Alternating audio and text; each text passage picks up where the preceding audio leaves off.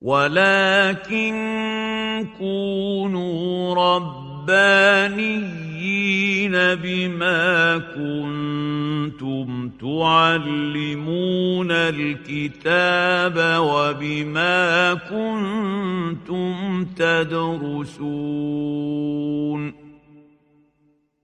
شيخ العمود وأهل العلم أحياء علوم القرآن.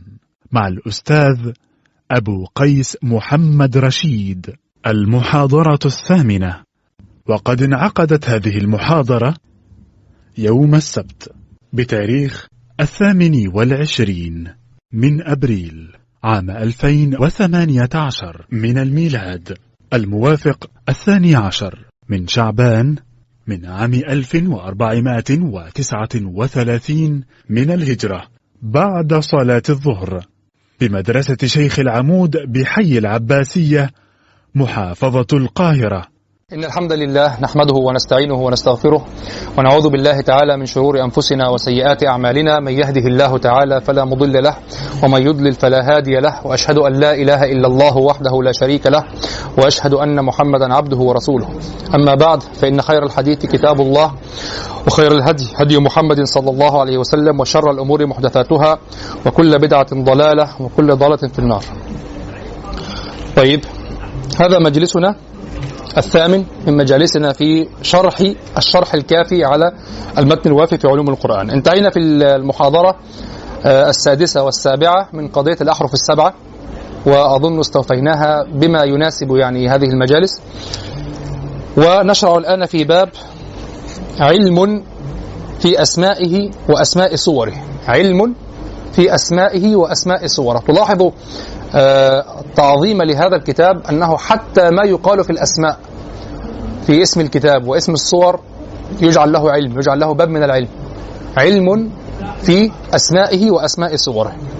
أقرأ أولا المتن. قلت وصلت إلى خمسة وخمسين وإلى مئة وهي أوصاف وأسماؤه القرآن والفرقان والذكر والتنزيل. ومجموع في المصحف وسميت الصور بالآثار وبذكر فيها وباختصاص وتسمى السورة بأسماء وقسم إلى طوال ومئين ومثاني ومفصل. علم في أسمائه وأسماء صوره وصلت إلى خمسة وخمسين وإلى مئة وهي أوصاف وأسماؤه القرآن والفرقان والذكر والتنزيل. ومجموع في المصحف وسميت السور بالآثار وبذكر فيها وباختصاص. وتسمى السورة بأسماء وقسم إلى طوال ومئين ومثاني ومفصل. قلت وصلت إلى خمسة وخمسين وإلى مئة وهي نعوت وأسماؤه القرآن والكتاب والفرقان والذكر والتنزيل. أوصلها القاضي أبو المعالي عزيزي بن عبد الملك إلى خمسة وخمسين اسما.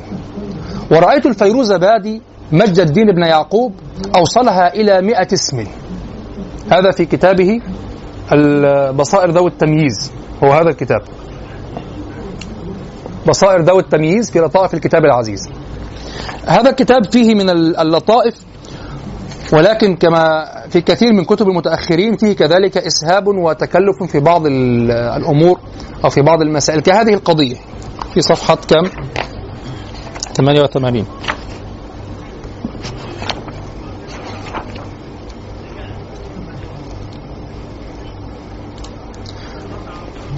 يقول اعلم أن كثرة الأسماء تدل على شرف المسمى. أو كماله في أمر من الأمور. أما ترى أن كثرة أسماء الأسد دلت على كمال قوته وكثرة أسماء القيامة دلت على كمال شدته. شدتها يعني شدتها. دلت على كمال شدتها. أو يوم القيامة لأنه ذكر الضمائر. قال وكثرة أسماء القيامة دلت على كمال شدته وصعوبته. انظر هنا لابد أن تستحضر المضاف المحذوف هو يوم القيامة. م. وكثرة أسماء الداهية دلت على شدة نكايتها. وكذلك كثرة أسماء الله تعالى دلت على كمال جلال عظمته. وكثرة أسماء النبي صلى الله عليه وسلم دلت على علو رتبته وسمو درجته. وكذلك كثرة أسماء القرآن دلت على شرفه وفضيلته. وقد ذكر الله تعالى للقرآن مئة اسم نسوقها على نسق واحد ويأتي تفسيرها في مواضعها من البصائر. الأول العظيم. انظر هنا هناك توسع ونوع من الدمج بين بين الاسم والصفة. الاسم يكون اسما حينما ينتقل إلى الاستعمال بحيث يدل وحده على الشيء يعني يكون علما. وقد تبقى صفته وقد تذهب صفة. شخص اسمه حسن وليس شرط أن يكون حسن الوجه. العباس أو عباس وليس شرط أن يكون عبوسا. واضح؟ شخص اسمه أسد وهو في الحقيقة أرنب. صالح. هو محمد وهو مذمم. واضح؟ نعم. ولهذا يحتاجون في الأسماء إلى أن يضيفوا الألف واللام إذا نادوا على المسمى آه، حتى يعني يلاحظون أصل الصفة حتى يلاحظوا أصل الصفة. جاء الحسن. آه إذا أنت تلاحظ أصل الصفة. جاء العباس. إذا جاء عبوسا. اسمه عباس وجاء عبوسا. إذا قلت جاء عباس يعني أنت تريد الاسم لكن جاء العباس تلمح تشير إلى أصل الصفة. هو العباس أو هو الحسن. ها؟ لمح الأصل نعم. هكذا يقول كتب النحو لمح الأصل. نعم. انظر العظيم. لماذا؟ سبعا من المثاني والقرآن العظيم. أو القرآن العظيم. والقرآن العظيم. يعني هل تستطيع الآن أن تطلق على القرآن العظيم هكذا فقط؟ ائتني بالعظيم. لا يصلح. كنت أقرأ في العظيم لكن هو قرآن عظيم. نعم. العزيز وإنه لكتاب عزيز. هذه صفات. واضح؟ العلي. لدينا لعلي.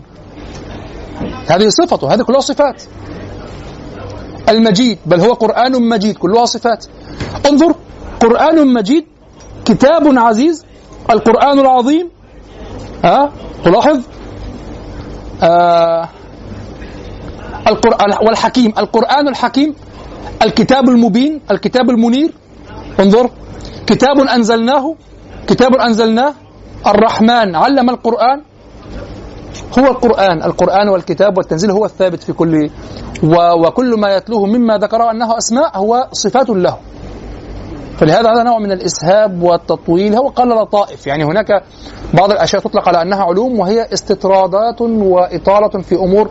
ولا تستبعدوا هذا. وجدتم في الأحرف السبعة كيف فسرت السبعة على أي سبعة وخلاص يعني كل شخص عنده في اتجاهه سبعة فسر بها. لم ينظر في الأحاديث أصلا. يعني هو ورد أن القرآن نزل على سبعة أحرف سبعة أوجه سبعة أشياء. فلم ينظر في الآثار.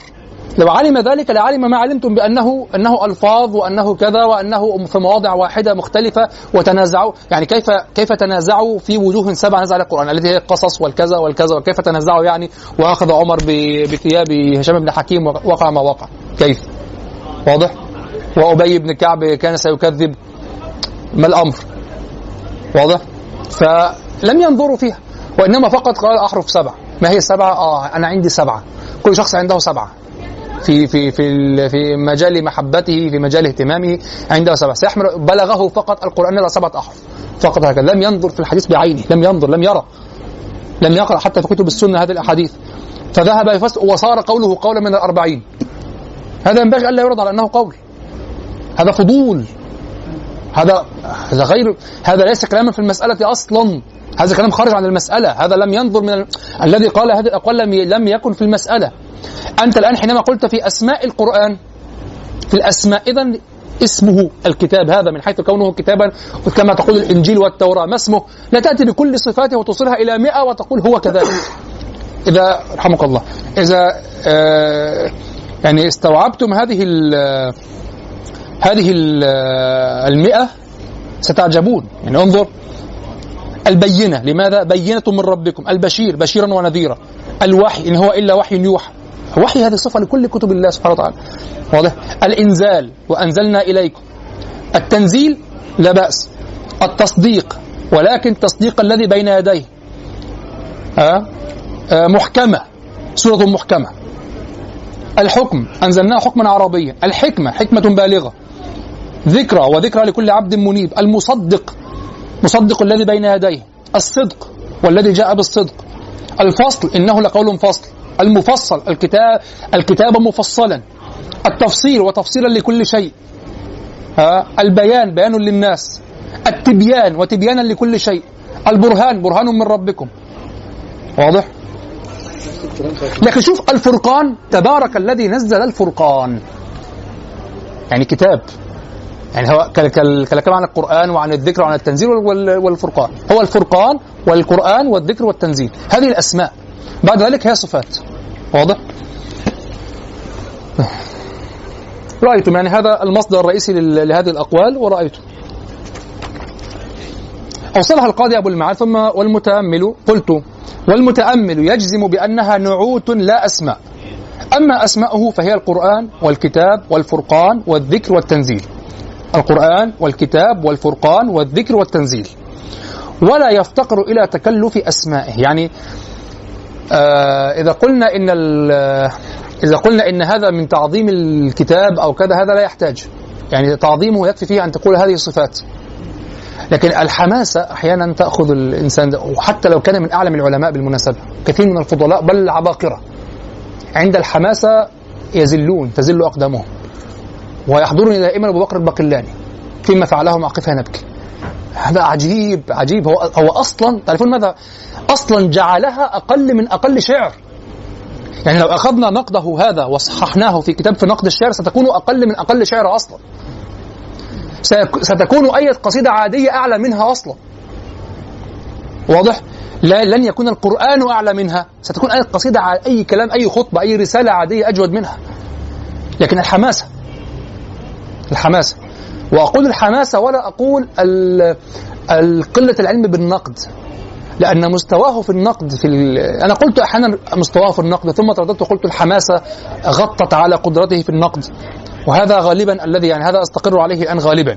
لماذا؟ لأنني حينما راجعت الكتاب كتاب إعجاز القرآن وجدت لا عنده ومضات نقدية أخرى عالية.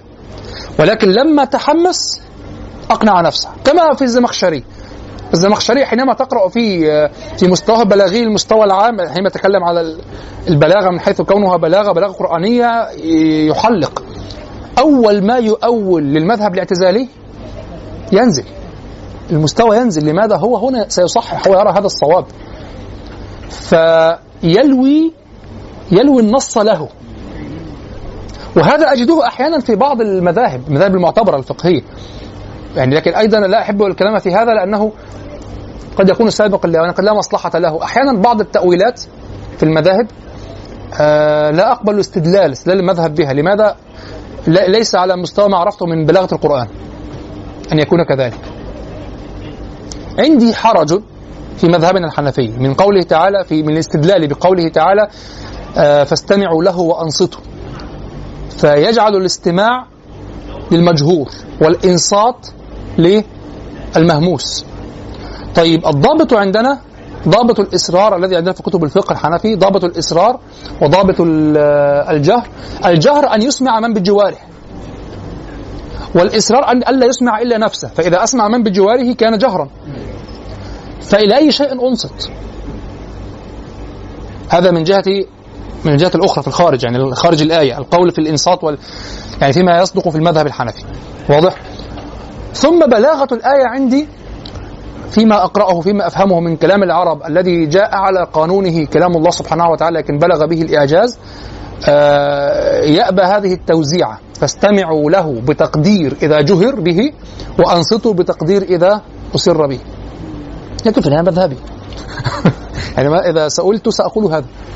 لكن أنا في قلبي حرج شديد من هذا القول من هذا الاستدلال.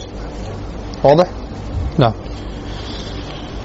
فهناك كثير كذلك من من الأمور. يعني أنت إذا إذا تعاملت مع المصدر لكن بحقه لا على طريقة فقه الدليل. يقفز على نحن نأخذ حيز نأخذ المصدر المصدر نروح للمصدر على طول. هم كانوا تايهين أصلا مش لاقيين ما كانوش عارفين المصدر يعني. وكانوا ما يفهموش. ساعات جيت فهمت. لا لكن إذا أخذت من ال... إذا ذهبت إلى المصدر بحقه وفتح الله عليك فيه قطعا ستعترض على غيرك مع البقاء بل على العكس أنت على طريقهم هنا أصلا. يعني أنت حينما إذا جلست مع من يمثلون هذه المذاهب وتكلمت سيراعون كلامك لأنهم سيرون أنه على المستوى. واضح؟ لكن ما الذي يرفض؟ كلام الشخص يقول أنا مش عارف جابوا الكلام ده منين. أنا مش عارف أبو حنيفة جاب المذهب ده منين. طبعا مش هتعرف جاب الكلام ده منين. أحيانا أنا أحيانا أدافع عن ال- القول أدافع عن عن المذهب المخالف وأنا أعلم أنه باطل أو خطأ أو كذا. أدافع عنه لأن بطلانه يظهر بعد خمسة مراحل من البحث مثلا. وهذا الذي ينتقده ويسفهه لن يقطع مرحلة واحدة. تفهمون؟ يعني القول القول الغريب عند الشافعيه ال- الذي قال البعض لو لو فعل لو لو قيل به لقطعنا عنقه يعني والذي يقول بنضرب عنقه. الشافعية يجوزون مع الكراهة زواج الزواج زواج زواج الرجل من المخلوقة من ماء زناه ليست بنتا عندهم. الشافعية عندهم الاعتبار بالشرع. يعني إذا زنى رجل بامرأة فأنجبت. ويقينا هي منه. هذه ليست بنتا محرمة على الرجل. عند الشافعية ليست بنتا محرمة. تشبهه من ماء يقول هي من مائه وليست بنتا. البنت تكون بالعقد. هذا خلاف الجمهور. والبعض يكفر من يقول بهذا أصلا. شوف الكلام كيف الكلام؟ البعض يكفر من يقول بهذا. ولكن الذي يقول هذا الكلام أنا أعرف مذهب الشافعية فيها وأعرف كي ما المراحل التي وصلوا فيها إلى هذا القول. حينما تستطيع أن ترد عليها وأن تستوفيها فتسفه هذا لك أو يعني تبطل القول هذا لك في النهاية. واضح؟ لكن أن تأتي من الأول هو الحق بي- بيبيح زواج ال- البنت. لا ليست بنتا ها عليك أن تبطل أنه اعتبر البنت بالعقد. والقاعدة عند الشافعي رضي الله عنه أن الحرام لا يحرم الحلال. واضح؟ فحينما يسيء احد كنا في الكلية يعني أثيرت هذه المسألة أو أنا أثرتها في الجامعة مع الشافعيه يعني. لما أخذوا يضربوني في مذهب الحنفي طب خذ يعني. كنت اسكت هم قالوا لك أنت تبيحون الخمر يعني. واضح أنا بقى لأن مذهب الحنفي مذهب ابو حنيفة ليس المستقر قول محمد أن الخمر من التمر والعنب فقط. أما غيره. فلا. حتى وإن كان من صفته يسكر كثيره واضح؟ فأهل الكوفة معروف وهذا مذهب كوفي ليس مذهب أبو حنيفة أبو حنيفة هو اللي عرف من أهل الكوفة. هذا مذهب أهل الكوفة أصلا. الخمر عندهم ما صنع من التمر والعنب فقط. واضح؟ أما غيره من الأشياء قد يشربون منه كميات لي- ليس بغرض السكر أو النشوة أو كذا. لكن ما لم يسكروا يعني ويصل إلى المفسده أو كذا اشرب طبعا لكن خمر وعنب يصدق عليه ما أذكر كثيره فملء الكف منه حرام أو فقليله حرام. واضح؟ فكانوا يقولون لي أنتم تبيحون الخمر وكذا. طب خذ أنت بتبيح بقى ال- الخمره مقدور عليها. طب خذ أنت بقى اشرب واضح. والملكية طب أنت بتاكلوا الكلاب ها؟ هو بول الكلب ليس طاهر. بول الكلب طاهر عند. بول الإنسان نجس. وبقول شوف بقى لو لما تحب تشاغب هتشاغب. لن تعدم تشغيبا يعني عند المالكيه بول الكلب طاهر وبول الإنسان نجس. يا سبحان الله. لماذا الكلاب كانت تمر من المسجد في عهد النبي صلى الله عليه وسلم من الباب إلى الباب وكذا والكلاب وكانوا يخرطون في الشوارع وكذا صح؟ ها؟ ماذا؟ وآية المائدة وهي أصلا مباحة يعني. نعم بس آية المائدة. طيب لكن مردود يعني عليه؟ يعني كلمة لم أجد المحرم يعني آه ماذا يكون يعني؟ آه لم أجد على أي لا يعني هو الشافعي رد على هذا. وقال يعني هذا هو الحرام بعينه وعلى في الأسلوب البلاغي. واضح؟ وقاس ال يعني أخذ آه، عمموا الحكم في السباع في كل محرم من السباع أو كذا. وإن كان الشافعية أو الجمهور يبيحون الضبع لحديث خاص أيضا. واضح؟ المهم يعني. فلن تعدم شيء لكن المهم هل تنقض بحق؟ يعني هذا المذهب يظهر بطلان قوله بعد مراحل. هل تقطع هذه المراحل أم أنك تسقطه من الأول؟ لا إذا وجدت كذلك لا اضربه على أم رأسه يعني الذي يفعل هذا. و- وأكون ويظهر في الظاهر كأنني مع هذا ال- القائل بهذا القول مع أنني أبطله. لكن أبطله بعد المراحل بعد استيفاء المراحل بعد استيفاء كل حججه. لكن أن تبطله من الأول هكذا لا. واضح؟ فأنا لم أتي مثلا إلى إلى مذهبي هكذا بالسهولة وقلت هذه لا. أنا بعد ان يعني كلما كلما نمت ملكتي في الذوق أو في العربية أو كذا أرى نفسي أرفض هذا الاستدلال. وهذا في نفسي وفي النهايه سيبقى المذهب. هو هو هكذا مذهب وإذا طلب أحدهم مذهب حنيفة هذا مذهب حنيفة. هذا مذهبه واضح؟ نعم. إذا الأسماء هي ما تستعمل في ماذا؟ في المواضع أعلاما. تستعمل في الكلام القرآن هذا القرآن هذا كذا هذا كذا هذا هذا الكتاب أنزل الله تعالى القرآن أنزل الكتاب. لكن بعد ذلك الباقي أو سائر ما ذكر في هذا صفات. نعم.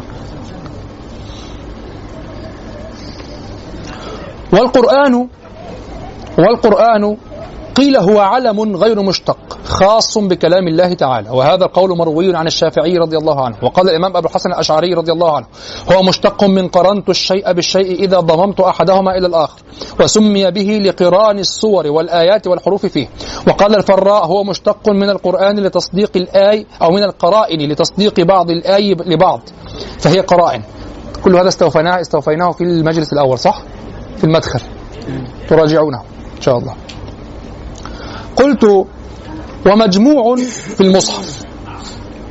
هذا الذي بين أيدينا ما أصل التسمية المصحف؟ سمي به لجمعه الصحف. وفيه أثر عن ابن مسعود. طيب نقرأ هذا الأثر عن ابن مسعود رضي الله عنه. أورده السيوطي في الإتقان. طبعا الإتقان كتاب جامع. يكاد يحوي كل الكتب التي تحدثت في علم القرآن.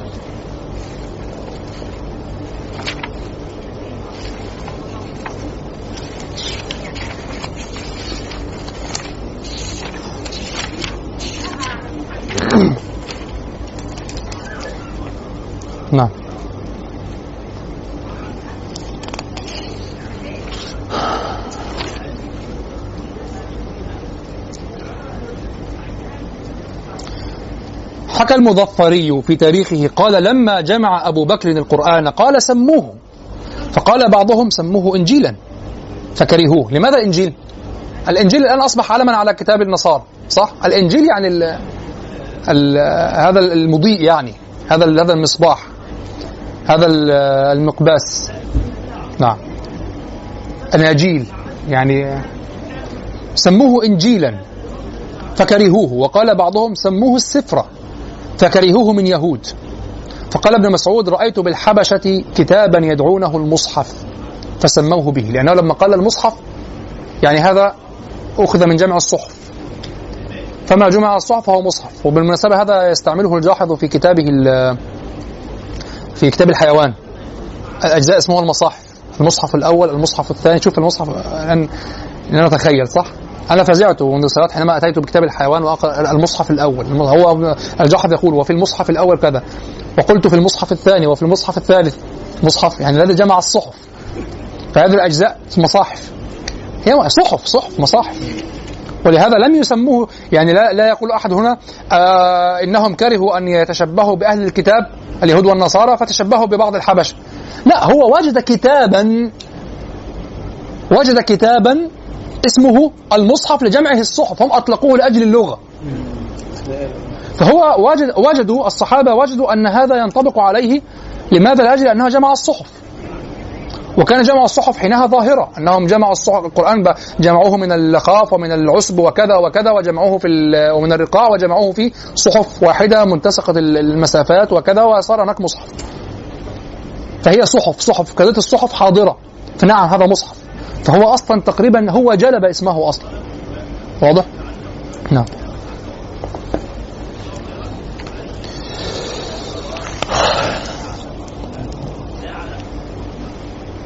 سمي به لجمعه الصحف وفيه أثر عن ابن مسعود. هذا هو الأثر. والمصحف يستعمل في وضع اللغة في كل ما جمع صحفا حتى أطلقه الجاحظ على مجلدات كتابه في الحيوان كتاب الحيوان. فيقول في المصحف الثاني في المصحف الأول وهكذا. طيب هنا مسألة. هل تعلل أسماء الصور أو لا تعلل؟ يعني أسماء الصور التي تطلق على تطلق على القرآن اسمع على السورة يعني اسم كل سورة هل تعلل أو لا تعلل؟ طيب نأخذ نأخذ نقرأ الباب اولا ثم نرى. وسميت السور بالآثار. أنا طرحت السؤال اولا حتى يكون حاضرا في أذهانكم. وسميت السور بالآثار وبذكر فيها وباختصاص. يقال السورة هذه من سور البناء سور البناء. وهو ما يحيط به سميت به لإحاطتها كالسور بطائفة من القرآن. هذا أظهر الأقوال وهناك قولان آخران تراجعهما في الكتب لكن هذا أظهر الأقوال أنه يسور. والبعض يقول هذا من السورة بمعنى التسوير يعني بمعنى المنزلة. إنك كلما قرأت سورة في المصحف انتقلت إلى انتقلت مرتبة هذا غير حاضر وقت أن كان القرآن مفرقا تماما يعني لا يقرأ بانتظام هكذا. وبعيد نوعا. واضح؟ بعيد. نعم. لكن هي سورة. لماذا صورت كما تقول في سور الحديقة. من التسوير وهو الإحاطة. لها أول وآخر ويحاط بها وتفصل عن غيرها. يقال السورة من سور البناء وهو ما يحيط به. يعني ما يحيط بالبناء. سميت به لإحاطتها كالسور بطائفة من القرآن. كالسور لإحاطتها كالسور بطائفة من القرآن. يعني هذه السورة كأنها أحيطت بسور اسمها السورة لماذا؟ هي أحاطت بطائفة من القرآن صورته فصارت هي السورة. هذه الطائفة اسمها السورة. فهي طائفة من آيات الله لها أول وآخر تتباين بهما. لها أول وآخر تتباين بهما. طيب هنا سؤال. هذا التباين هل يقع في كل السور وقع مرة واحدة هكذا؟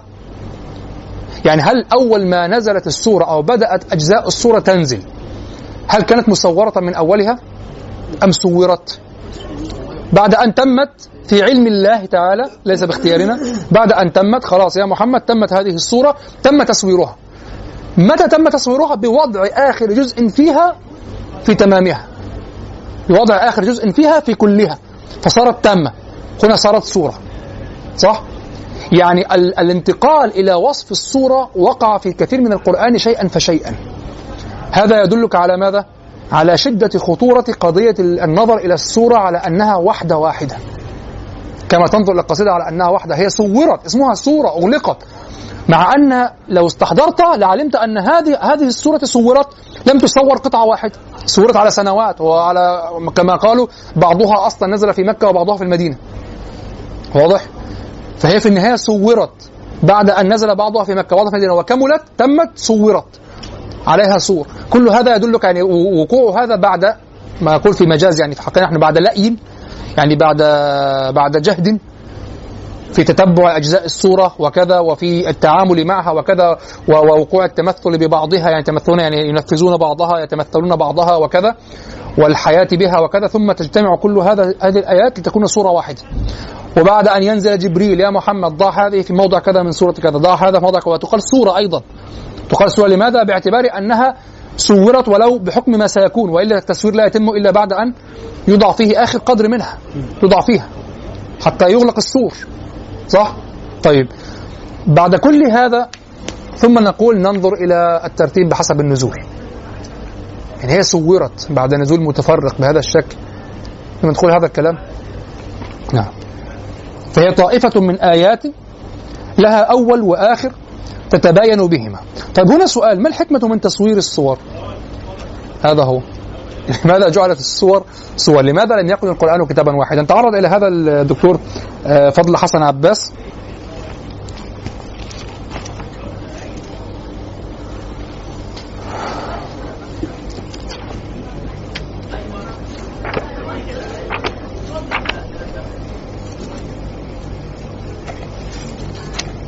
آه يقول كون القرآن الكريم صورا متعددة حجة بالغة على أنه الكتاب الذي أنزله الله تعالى على نبيه صلى الله عليه وسلم. ليخرج الناس من الظلمات إلى الآن خطابة. لم يأتي كلامه ليخرج الناس من الظلمات إلى النور. فهدف القرآن تربية المكلفين. وهذه التربية لا تكون وارفة الظلال دانية القطوف قريبة الجنى كثيرة الثمرات لو لم يكن القرآن الكريم صورا متعددة. ألا ترى أن كل سورة منه لها شخصيتها موضع هذا هو الكلام. نبدأ من هنا. ألا ترى أن كل سورة منه لها شخصيتها وموضوعها ثم إن الإنسان يكون أكثر نشاطا وأعظم إقبالا على كتاب الله تبارك وتعالى وهو ينتقل فيه من سورة إلى أخرى. فكم يكون فرحه وسروره وهو يعرف أنه قد حفظ عشرين سورة من كتاب الله وسيحفظ غيرها كذلك؟ هذا كله توابع بعيد يعني من الحكمة من السهل من الميزات لكن ليس لأجلها والله أعلم. ونجد أن الأطفال في سرور وفرحة وكل واحد منهم آه، يعدد مقدار ما حفظ من السور. طيب ونوجز الحكم التي ذكرها العلماء في من تصوير القرآن فيما يلي. إن في ذلك تنشيطا للقارئين وتسهيلا وتيسيرا عليهم في حفظه وفهمه. فإذا حفظ سورة اعتقد أنه طائفة آه، اعتقد أنه طائفة فعظم عنده ما حفظة. يعني أغلق معنى معينا. هذا كله يسير في اتجاه القول إلى أن الترتيب في القرآن ليس توقيفي ليس توقيفيا. ليس مرتبطا ككتاب من حيث كونه كتابا واحدا. نعم. التنبيه على أن كل سورة من كتاب الله معجزة بذاتها. طويلة كانت أم قصيرة. فليس الإعجاز وقفا على السور الطوال. طيب وفي هذا تفصيل. أن تكون كل سورة فنا مستقلا أن تكون كل سورة فنا مستقلا لها مزاياها وخصائصها وموضوعها. هذا هو. السورة أصلا طائفة من كلام الله تعالى. ولو قلت إن القرآن لو لو أنزل الله تعالى كتاب القرآن كله سورة واحدة يعني جعله كله سورة واحدة متصلة لكان هذا المصحف طائفة من كلام الله تعالى. واضح؟ ولكن الله سبحانه وتعالى جعل القرآن طوائف من كلامه. وهذا أول ما ينبغي أن يترسخ في أذهانكم وهو أن السورة منفصلة. السورة عمل منفصل كما تقرأ القصيدة شيء منفصل. القصيدة شيء منفصل والسورة شيء منفصل كذلك. لا تخلط. لا لا تغلبك ثقافة الكتاب، الكتاب الذي يتصل موضوعه هكذا شيء واحد ويتصل ولا ولا يعني ولا تتهيب كلام بعض المستشرقين أو كلام بعض من نقد القرآن من الغربيين. حينما يقول هذا الكتاب لأنه يعامله على أنه كتاب، هذا الكتاب ليست له معالم واضحة. في الموضوع. موضوعاته مفرقة لكن ليس هناك تقسيم أكثر من أحجام الصور. ليس هناك موضوعات. هو يريد الصور أن تكون فصولا. هذا فرع عن تصورك أنه كتاب واحد. أنه كتاب يتصل. هو كتاب كتاب الله لكنه يجمع. واضح؟ كما تأتي بمجموع شعري كل قصيدة فيه واحدة. ما الرابط بين هذه المجموعات؟ أو ما الرابط بين قصائد هذه المجموعات أنها قصائد عربية ومنتمية إلى زمن معين إلى فصاحة معينة إلى مستوى بلاغي معين. ثم هي موضوعات في مجملها تكون تصور عن هذا النوع من الأدب أو هذا العصر من من الشعر. واضح؟ فلماذا أصلا انتبهوا لأنكم أحيانا تلقى إليكم آه العناصر أو الأصول التي تفكرون بها؟ يعني يجبرك أن تفكر بطريقته. حينما يحاجك إلى شيء فتفكر أنت في الرد على أساس هذه الحجة على هذا الأساس. وأصلا هذا الأساس هو نفسه باطل. لماذا لا نرى الوحدة في القرآن مثل التي في سورة يوسف؟ ومن قال لك أصلا إنه ينبغي أن تكون الوحدة كذلك أصلا؟ أنت هكذا لو مرر لك هذه القضية إذا هو مرر لك ماذا؟ أن الوحدة ينبغي الوحدة محصورة في هذا الشكل. الوحدة عندك أعم من هذا أصلا. واضح؟ الوحدة عندك أعم. هناك شعر كشعر عمر بن أبي ربيعة. واضح؟ رأيتم كيف يكون متصلا. هذا وحدة قصصية كانت في سورة يوسف. ولذلك سورة يوسف حفظها سهل. واضح؟ هناك وحدة موضوعية تتصل بخيط رفيع التي في قفا نبكي واضح؟ هناك متوسطة. التي في آل عم صباحا وسمى لك شوق متوسطة في الصعوبة والإدراك. في النهاية الوحدة أعم من هذه الصورة يريدونها. ما الذي جعل العرب هنا يقولون هذا الكلام؟ أو المدرسة الرومانتيكية التأثر بالاتجاه الرومانتيكي الغربي. الرومانتيكون يميلون إلى هذا النوع من الوحدة. الوحدة القصصية. لأن هذا فرع عندهم عن المذهب الذي انقلبوا فيه على الكلاسيكيين وهو أن يكون الشعر ذاتيا. فإذا كان الشعر ذاتيا فهو يتناول موضوعا محددا مفهوما وليس مجموعة من الأخلاق أو المبادئ كما عند الكلاسيكيين. فتأثر بهم الأتباع هنا.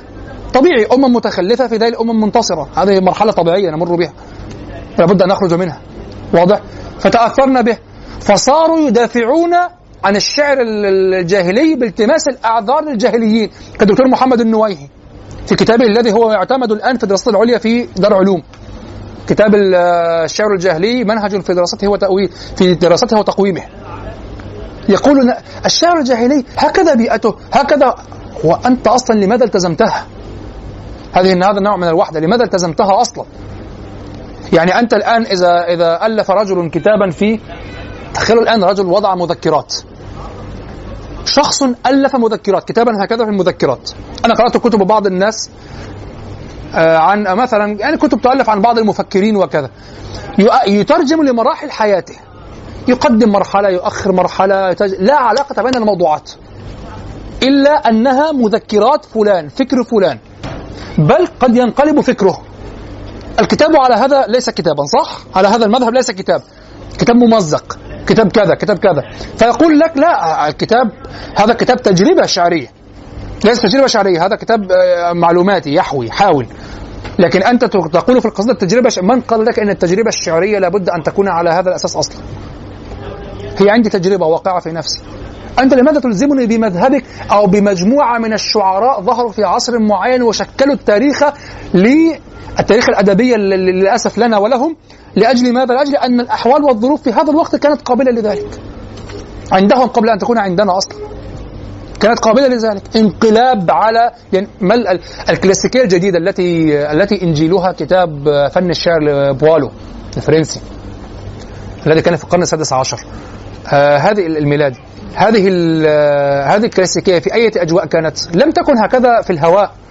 كانت في بيئة بيئة ملكية بيئة طبقات بيئة الملوك والنبلاء وبيئة الخدم والمنحطين وكذا الذين يسوونهم بالحيوان.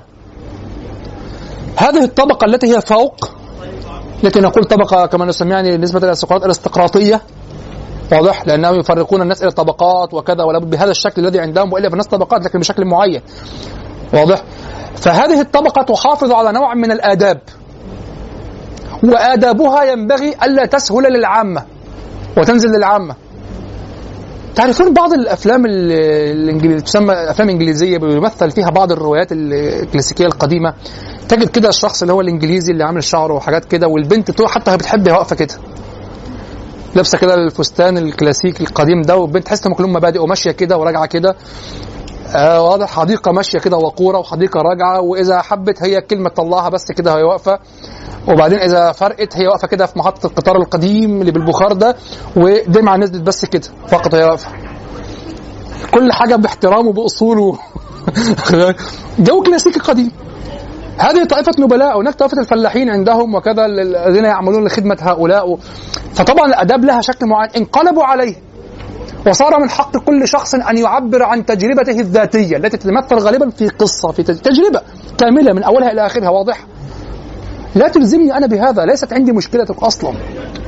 لم أمر بتجربتك.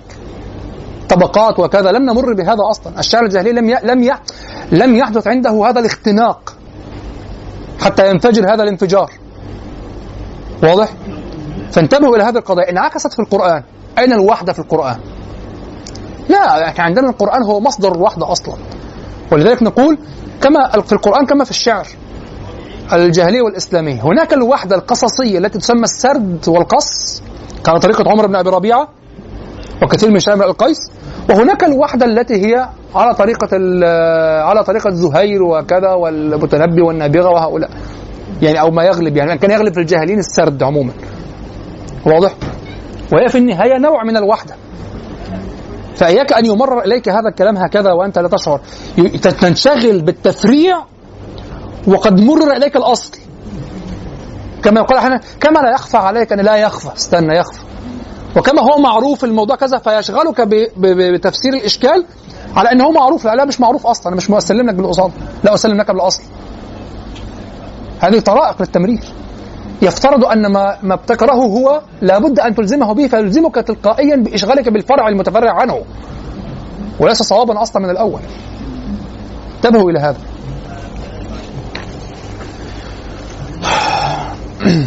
فهي طائفة من آيات لها أول وآخر تتباين بهما.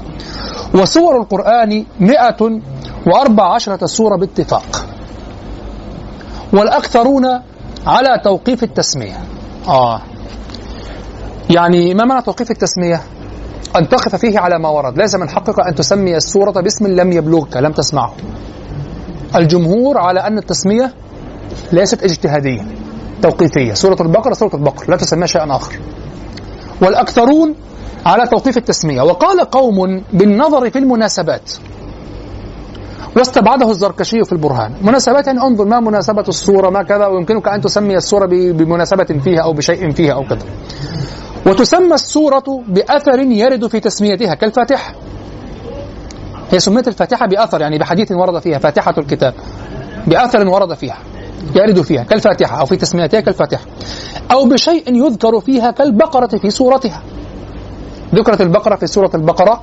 طبعا شوف فزلكة يعني. كالبقرة في صورتها يعني حركة كده. واضح؟ أو بشيء يذكر فيها كالبقرة يعني تسمى بالبقرة في صورتها سورة البقرة. نعم ونوح طيب طبعا ننتبه إلى أن هذا كلام الآن خارج عن هذا خارج عن كلام ماذا؟ آه خارج عن التسمية توقيفيه وغير توقيفيه يعني والأكثرون على توقيف التسمية واضح؟ وقال قوم بالنظر في المناسبات واستبعده الزركشي في برهان الآن انتهينا من الكلام على التوقيف وعدم التوقيف ثم بعد ذلك هذه الأسماء سواء كانت توقيفية أو غير توقيفية كيف كان مصدرها؟ أين مصدرها؟ فالكلام هنا ليس ليس متصلا. قلت وتسمى السورة بأثر يرد في تسميتها كالفاتحة. يعني الآن تس... ذكر وجوه التسمية بقطع النظر. تصير توقيفية بعد ذلك أو تصير اجتهادية. لكن هكذا يحدث هذا واقع يحدث به التسمية. وتسمى السورة بأثر يرد في تسميتها كالفاتحة أو بشيء يذكر فيها كالبقرة في سورتها ونوح أو باختصاص فيها كتكرار أحكام النساء. فسميت بهن يعني كأنها صارت مختصة بالنساء. فسميت السورة بهن بالنساء يعني. أو باختصاص فيها كتكرار أحكام النساء فسميت بهن. وذلك للبسط في أحكامهن وإن ذكرن في غيرها. طيب هنا مسألة. هل يقال سورة كذا؟ كما نقول نحن الآن سورة كذا سورة كذا. قلت وكره قوم من المتقدمين أن يقال سورة البقرة أو سورة كذا. وعلى ذلك القاضي أبو بكر الباقلاني دائما كلما تجد قولا فيه يعني أو في ظاهره الاتجاه أكثر تعظيم القرآن وتنزيهه هو أبو بكر الباقلاني يقول به على طول هو اتجاه هكذا. وعلى ذلك القاضي أبو بكر الباقلاني رحمه الله في كتابه الذي صنفه في إعجاز القرآن. فإنه لا يقول سورة كذا بل السورة التي يذكر فيها كذا. هو دائما يقول هذه الكلمة السورة التي يذكر فيها كذا لا يقول سورة كذا. بل السورة التي يذكر فيها كذا. وذلك لأثر موقوف على ابن عمر رضي الله عنهما لكن قد صح عن النبي صلى الله عليه وسلم إطلاق سورة البقرة فالله أعلم. طيب نرى الأثر. وقد كره بعضهم أن يقال سورة كذا. لما روى الطبراني والبيهقي عن أنس مرفوعا لا تقولوا يعني كانت مرفوعا يعني إلى النبي صلى الله عليه وسلم. طبعا انت تعرف حديث مصطلح حديث لابد. عن أنس مرفوعا لا تقولوا سورة البقرة ولا آل عمران ولا سورة النساء وكذلك القرآن كله ولكن قولوا السورة التي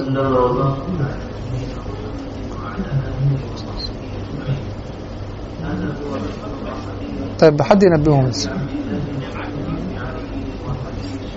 وكذلك القرآن كله ولكن قولوا السورة التي يذكر فيها البقرة والتي يذكر فيها آل عمران وكذا القرآن كله. وإسناده ضعيف. بل ادعى ابن الجوزي أنه موضوع. وإسناده ضعيف. بل ادعى ابن الجوزي أنه موضوع. وقال البيهقي إنما يعرف موقوفا على ابن عمر. ثم أخرجه عنه بسند صحيح. إنما يعرف موقوفا على ابن عمر. ثم أخرجه عنه بسند صحيح. وقد صح إطلاق سورة البقرة وغيرها عنه صلى الله عليه وسلم. وفي الصحيح عن ابن مسعود الصحيح الذي هو صحيح البخاري وصحيح مسلم أيضا. وفي الصحيح عن ابن مسعود قال هذا مقام الذي أنزلت عليه سورة البقرة ومن ثم لم يكرهه الجمهور. ابن مسعود قال سورة البقرة. والذي صححه البيهقي لا تقول كذا صححه عن ابن عمر موقوف موقوف يعني عن الصحابة. حديث موقوف يعني قال هذا لفظ الصحابة مرفوع النبي صلى الله عليه وسلم. واضح؟ فصح عن ابن عمر عند البيهقي أنه قال لا تقول سورة أقول التي التي يقال فيها التي يذكر فيها كذا.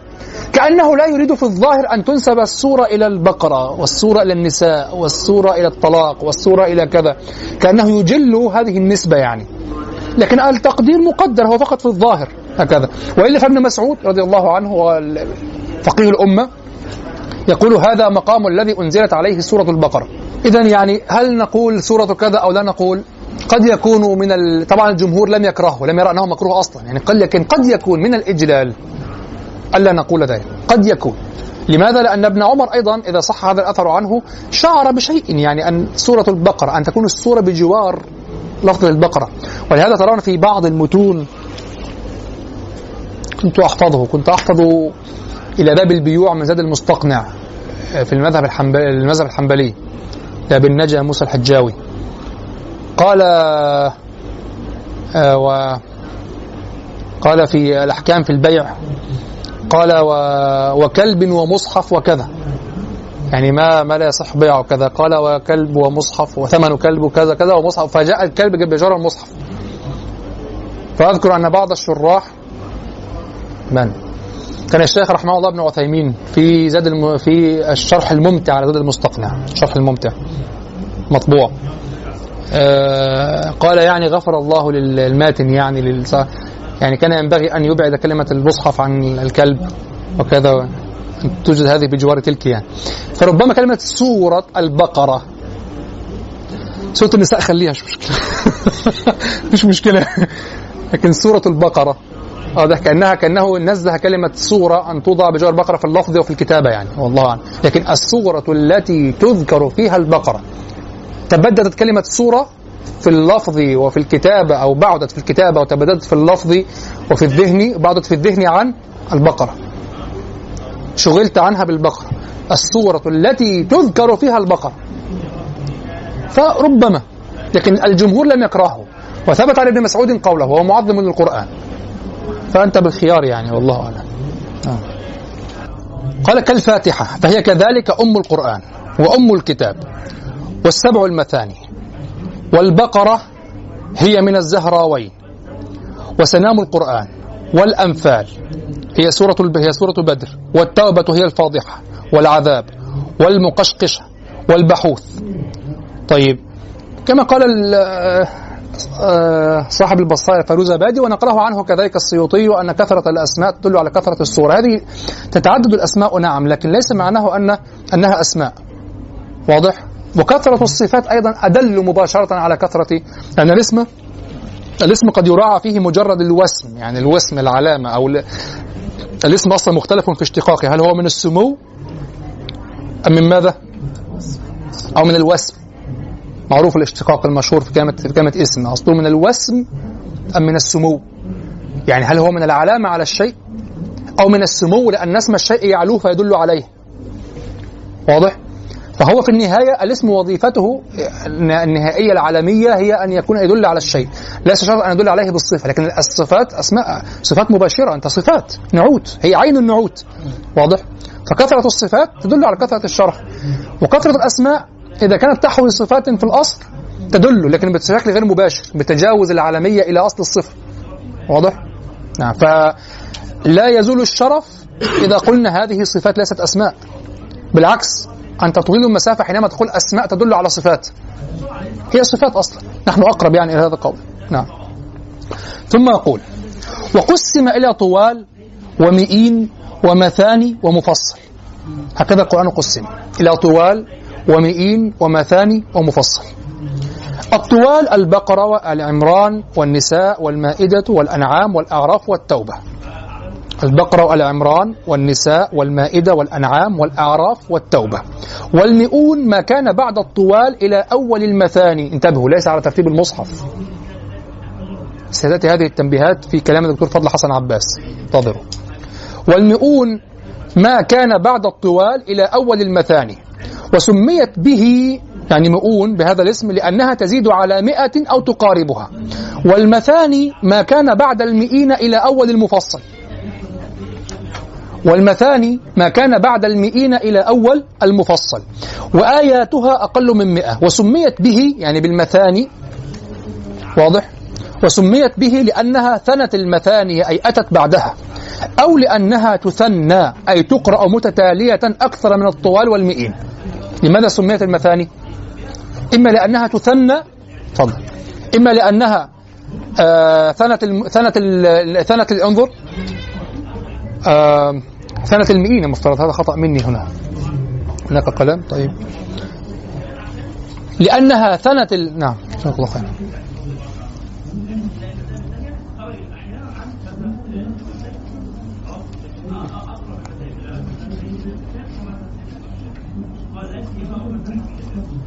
نعم.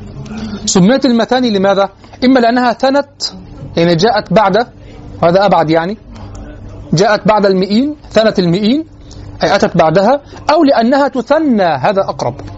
تثنى أي تقرأ متتالية أكثر من الطوال والمئين. واضح؟ أنت تأخذ الصورة الطويلة تنتهي منها خلاص أنت فعلت شيئا كبيرا. أما الصور الأخرى تنتهي من الواحدة تثني بالثانية وتثني بالثالثة وهكذا. نعم. أي تقرأ متتالية أكثر هذا لو أوضح والأظهر يعني. أي تقرأ متتالية أكثر من الطوال والمئين. لو الجو قفل ممكن صح؟ قفل جدا. والمفصل ما يبدأ من سورة الحجرات. والمفصل ما يبدأ من سورة الحجرات إلى سورة الناس. وسمي به طبعا هذا على قول وسمي به لكثرة الفصل بين سوره بالبسملة وقيل لغير ذلك. وسمي به لكثرة الفصل بين سوره بالبسملة وقيل لغير ذلك. طيب هنا كلام على هذا التقسيم كلام مهم جدا ذكره ونبه عليه الدكتور فضل حسن عباس. لابد أن نقرأه. تفضل.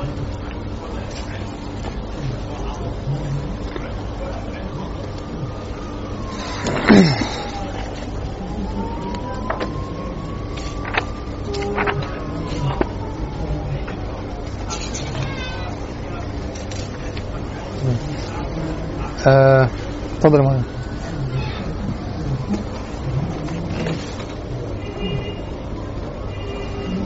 آه آه. نعم. قال تنبيه. يقول ولا بد من التنبيه على ما يلي. ليس هذا التقسيم تابعا لترتيب السور في المصحف. نقطة مهمة. إنك سترى هذه المئين وهذه متوزعة في المصحف ليست مرتبة. يعني ليس كذا ثم كذا ثم كذا. يقول ليس هذا التقسيم تابعا لترتيب السور في المصحف. فالسور الطوال مثلا فالسور الطوال مثلا رأينا أنه يفصل بين السادسة والسابعة أو يفصل بين السادسة والسابعة منها أو يفصل. يقول ليس هذا التقسيم تابعا لترتيب الصور في المصحف. فالصور الطوال مثلا رأينا أنه يفصل بين السادسة والسابعة منها أو يفصل بين السادسة والسابعة منها سورة الأنفال.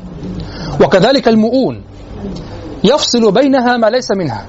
فسورة الحجر جاءت قبل سورة النحل مع أن الحجر أقصر من النحل التي هي من المئين. فالتقسيم لا يخضع للترتيب إذن. انتبهتم إلى هذا؟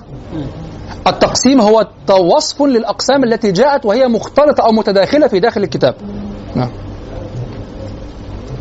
التنبيه الثاني إن أمر العدد آه هذا مهم جدا إن أمر العدد لا يؤخذ على إطلاقه يعني هذا العدد هذا العدد ليس هكذا كم آية طيب ما الصور بعض بعض الصور هي أقل في الحجم عدد آياتها أكثر لماذا؟ لأن الآية كلمة وكلمتان صح؟ هذا غير معتبر بالضبط. العدد يعني في الحجم المتوهم يقسمون فقط هذا أغلبي. يعني الآية في الحجم المتوسط الحجم المعروف ليس الحجم القليل وليس آية كآية الدين مثلا. قطعا لن تجعلها معيارا يعني للآية. واضح؟ ولن تجعل كذلك الكلمة الواحدة معيارا مدهامتان. آية. لن تجعلها معيارا للآية. واضح؟ لكن المتوسط. لذلك هذا كله توسع في الاستعمال وفي الألفاظ وفي الدلالات. فقط يدلون به على الأحجام عموما أحجام أو أو مساحات الصور. نعم. قال إن أمر العدد لا يؤخذ على إطلاقه فإن هناك صورا يقرب عدد آياتها من المئتين ولا تعد من المئين. يقرب من المئتين ولا تعد من المئين. كسورة الصفات مثلا التي يبلغ عدد آياتها مئة واثنتان آه نعم. ينبغي يكون واثنتين صح؟ صح؟ يبلغ عدد آياتها التي يبلغ عدد آياتها مئة واثنتين هو قال مئة واثنتان وثمانون آية وهي من المثاني وهناك صور هي أقل عددا من المئين يقينا كسورة النحل مع أن آياتها مئة وثمان وعشرون آية واضح؟ إلا أنها من حيث المساحة في المصحف ضعف سورة الصفات. يعني هي أقل وهي من المئين وهي ضعف الصفات. هي من المئين والصفات من المئين. واضح؟ إذا هذا يجعل يجعلك تنظر إلى تقسيم القرآن على أنه بهذا بهذا الحجم. وبالمناسبة هذا هذا موجود أصلا كذلك في الشعر الشعر القديم. هناك القصائد الطويلة جدا. كقصيدة ابن الفارض تأية ابن الفارض تعرفونها تبلغ كم؟ 700 وشيء وأربعين قصيدة بيت تقريبا. لكن هذا طول يعني طول مفحش يعني ليس هو طول المعهود العادي. لكن الطوال الطوال هي الطوال الطوال كالمعلقات. يعني من الخمسين هكذا إلى ستين وسبعين وثمانين وإلى مئة مئة وقليل كما في مئة مئة وثلاثة كما في معلقة طرفة. واضح؟ بعد ذلك هناك القصائد العادية يعني عشرون بيتا 15 بيتا هذه قصائد يعني هي بالضبط الطوال والمئين والمفصل. هكذا. نعم. أي.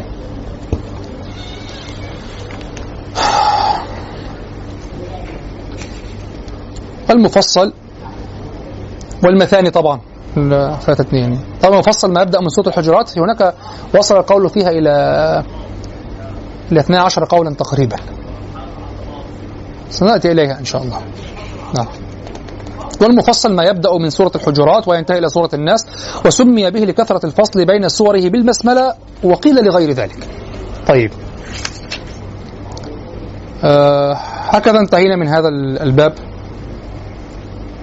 أو علم في أسمائه وأسماء سوره ثم علم آه هذا خطير جدا هذا الباب. علم في جمعه وترتيبه. علم في جمعه وترتيبه. هذا متعلق بقطعة الأحرف السبعة أيضا. نقرأ المتن أولا. كتب في العهد الأول للحفظ دون جمع وترتيب. كتب في العهد الأول للحفظ دون جمع وترتيب. وباليمامة وأقدر محذوفات هنا حادثة اليمامة وموت القراء.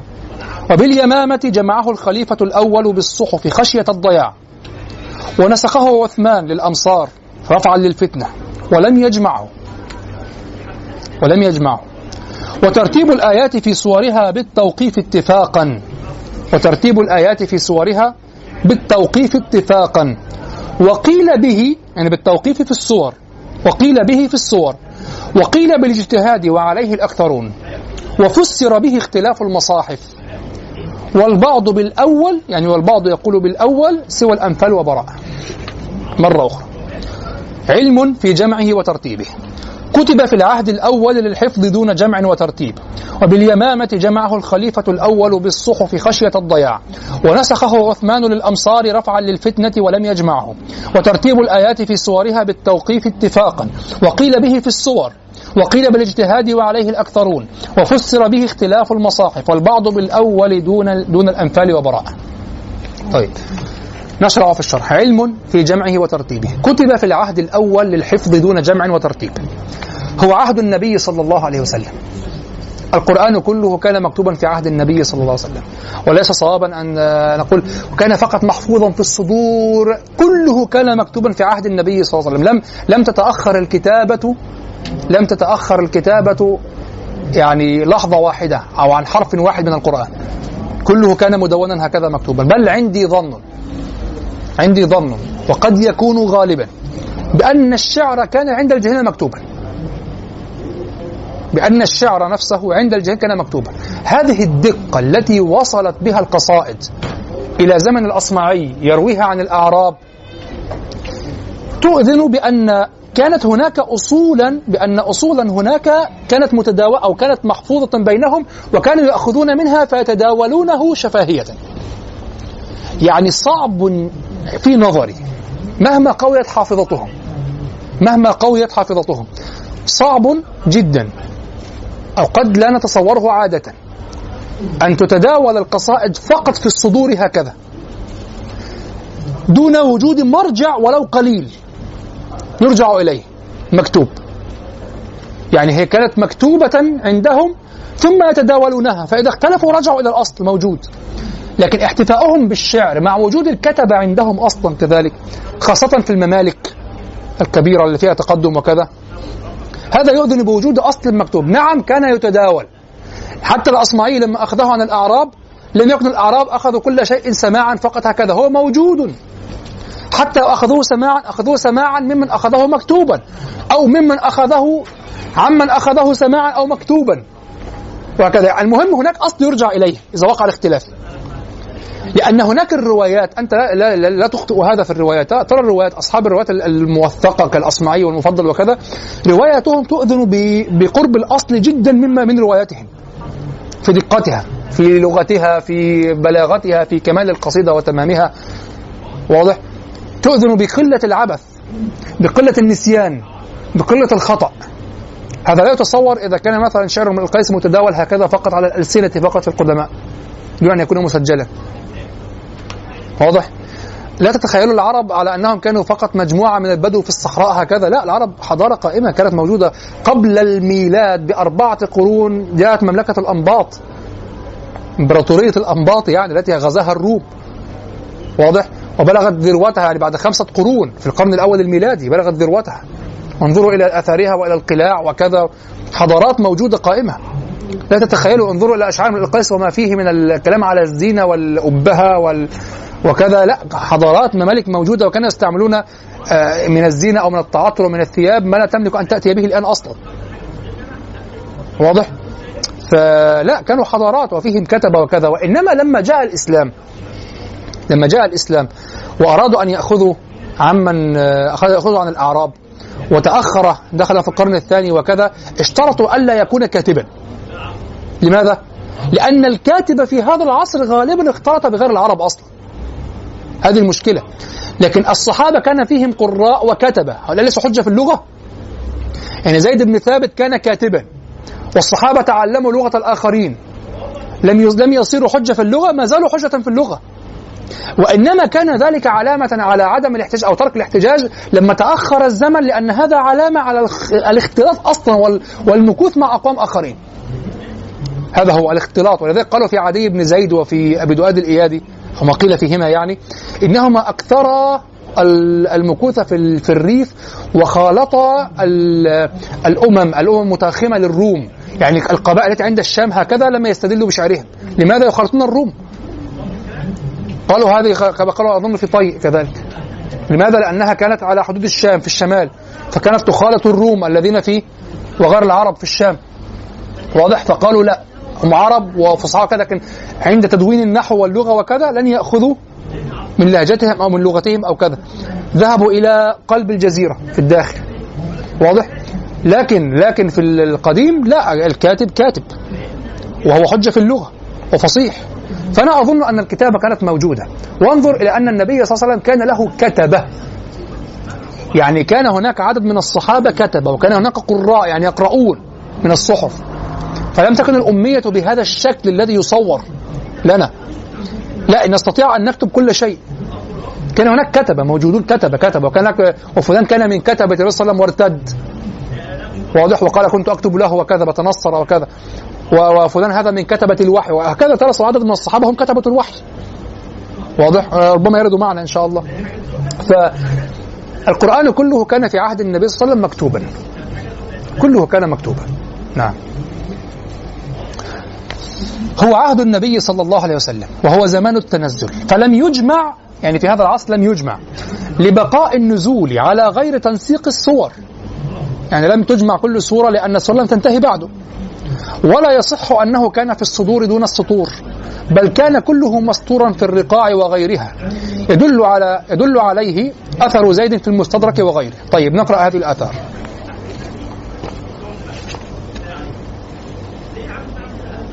نعم في الإتقان.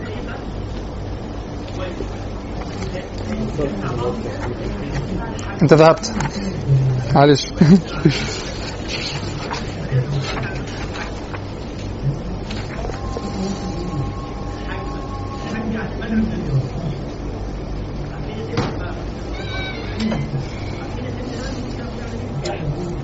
نعم. انظر.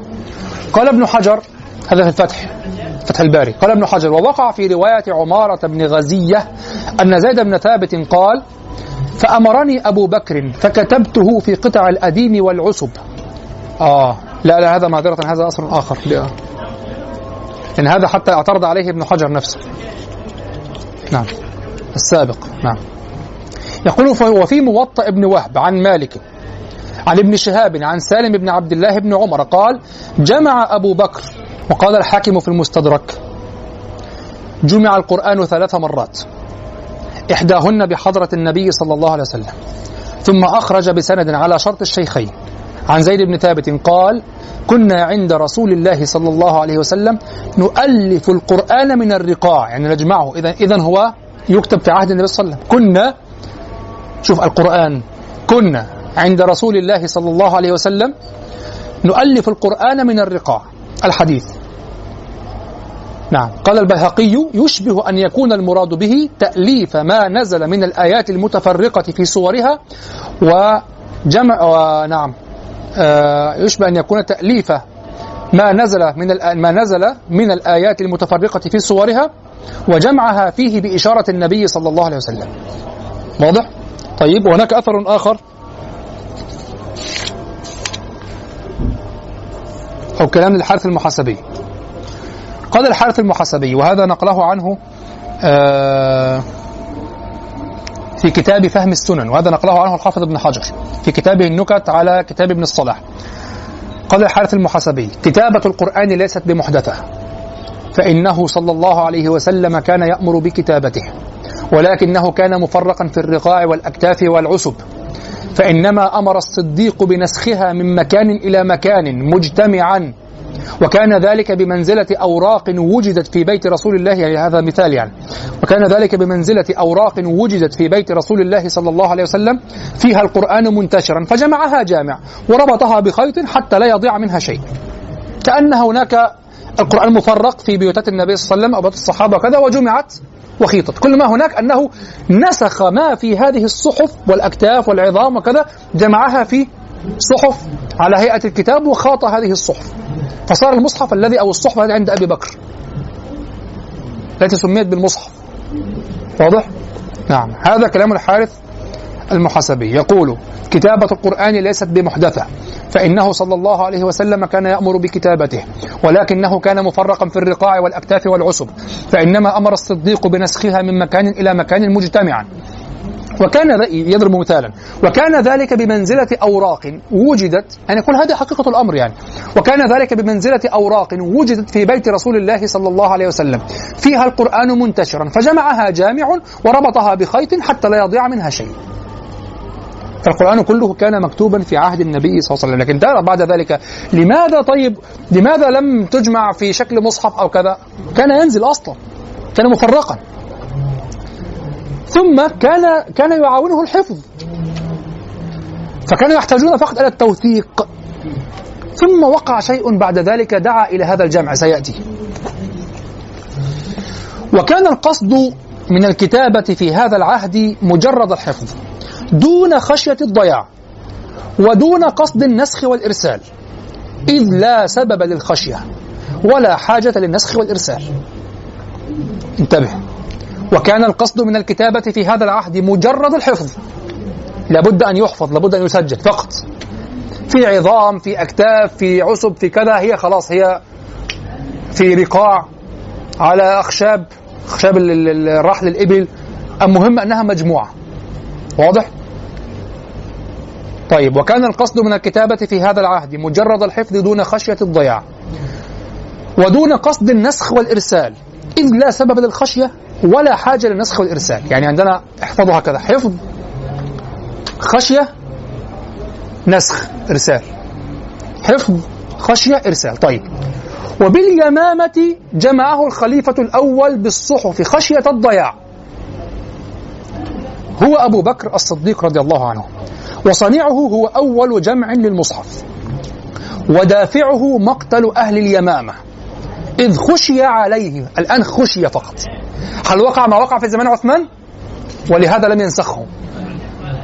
لكن تخيل أنك الآن تعتمد على نحن الآن هنا مثلا أمليت عليكم بعض القصائد من ذاكرتي وهي ليست مطبوعة وإنما لقنتها. فأنتم كتبتموها في كراريسكم. فقط هكذا. وحفظت معكم وأنتم تحفظونها. ثم قتل بعضكم. خلاص؟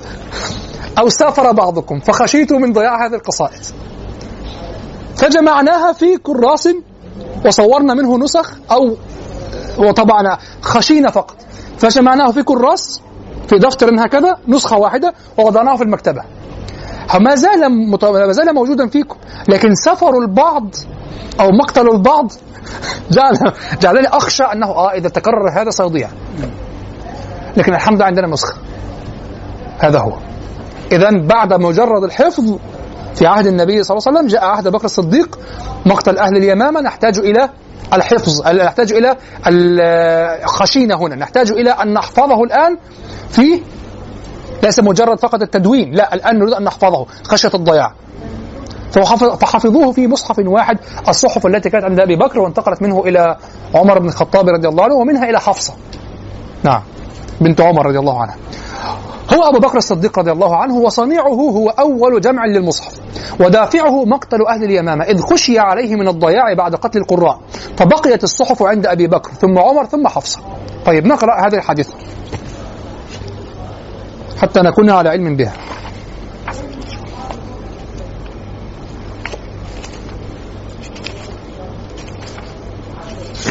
نعم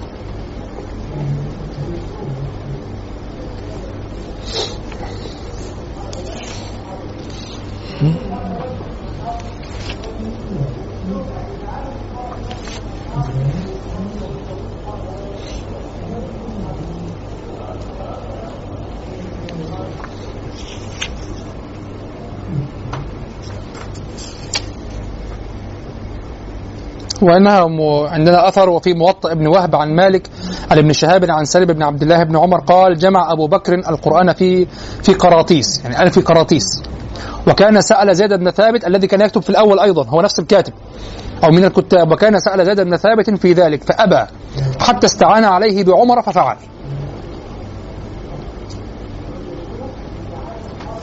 وفي مغازي موسى بن عقبة عن ابن شهاب قال لما أصيب المسلمون باليمامة فزع أبو بكر وخاف أن يهلك من القراء طائفة. انظر فزع وخاف أن يهلك من القراء طائفة. فأقبل الناس بما كان معهم وعندهم حتى جمع على عهد أبي بكر في الورق. ورق الذي هو الرق يعني ورق هذه المرة الجلد يعني. في الورق. فكان أبو بكر أول من جمع القرآن في الصحف. إذا أول من جمعه من؟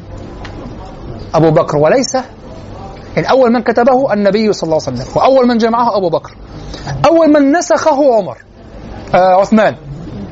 وليس وليس أبا بكر وليس وليس أن أن عثمان رضي الله عنه جمعه كما يقولون. ما يشتهر بين العامة أن عثمان جمع لا كان هناك مصحف في دار أبي بكر دار الخليفة الأول. كان مفرقا كله في عهد النبي صلى الله عليه وسلم. ويبعد جدا أقول في الجهل من يقول إن الذي كتبه عثمان يعني الذي كتبه وجعله مصحفا لأول مرة عثمان. وكان قبل ذلك كل هذه الفترة في الصدور محفوظا. عهد النبي صلى الله عليه وسلم وعهد أبي بكر. خطأ. كان مكتوبا في عهد النبي صلى الله عليه وسلم. وكان مجموعا في مصحف في عهد أبي بكر. ونسخ إلى خمسة مصاحف في عهد عثمان. انتبهوا إلى هذا ينتشر عند العوام كلام غريب يعني. ما زال البعض حتى في عهد بعض الخلفاء المتأخرين يأتون بمصحف في رقعة هكذا يفتحها وهناك أصلا القرآن هكذا في رقعة. القرآن صار مصحفا أصلا. طيب. ها؟ موجود الان لا ليس موجودا ليس موجود. ولا أي مصحف غالبا من هذه المصاحف العثمانية موجود. مصحف الخمسه التي كتبها. كلمة مصحف عثمان ليست مصحف شخصي. مصحف عثمان يعني الذي نسخه هي خمسة مصاحف. مصحف هنا جنس. خمسة مصاحف. هذا مصحف عثمان. واضح؟ يقول مثلا مصحف الشميرلي يعني مصحف؟ لا يعني طبعة الشميرلي يعني. ماشي مصحف المدينة أو مصحف؟ لا آلاف المصاحف. واضح لكن المصحف مصحف عثمان يعني الخمسة التي نسخها عثمان. التي أمر بنسخها عثمان. هذا هو. طيب. هذا ما صنعه أبو بكر رضي الله عنه. ونسخه عثمان للأمصار رفعا للفتنة ولم يجمعه. هو في حادثة الاختلاف المشهورة. قرأناها صح؟ عرفناها. هو في حادثة الاختلاف المشهورة. فاستعار عثمان صحف أبي بكر من حفصة. طبعا وعدها أن يرجعها. فاستعار عثمان صحف أبي بكر من حفصة. فنسخها في عدد من المصاحف عرفت بمصاحف الأمصار والمصاحف الأئمة. فنسخها في عدد من المصاحف عرفت بمصاحف الأمصار ومصاحف والمصاحف الأئمة. ويشتهر بين العامة أو يشتهر بين العامة أن عثمان هو جامع المصحف. وليس كذلك إنما جامعه أبو بكر. أما عمل عثمان فهو النسخ والإرسال إلى الأمصار. عمل عثمان هو النسخ والإرسال إلى الأمصار. هناك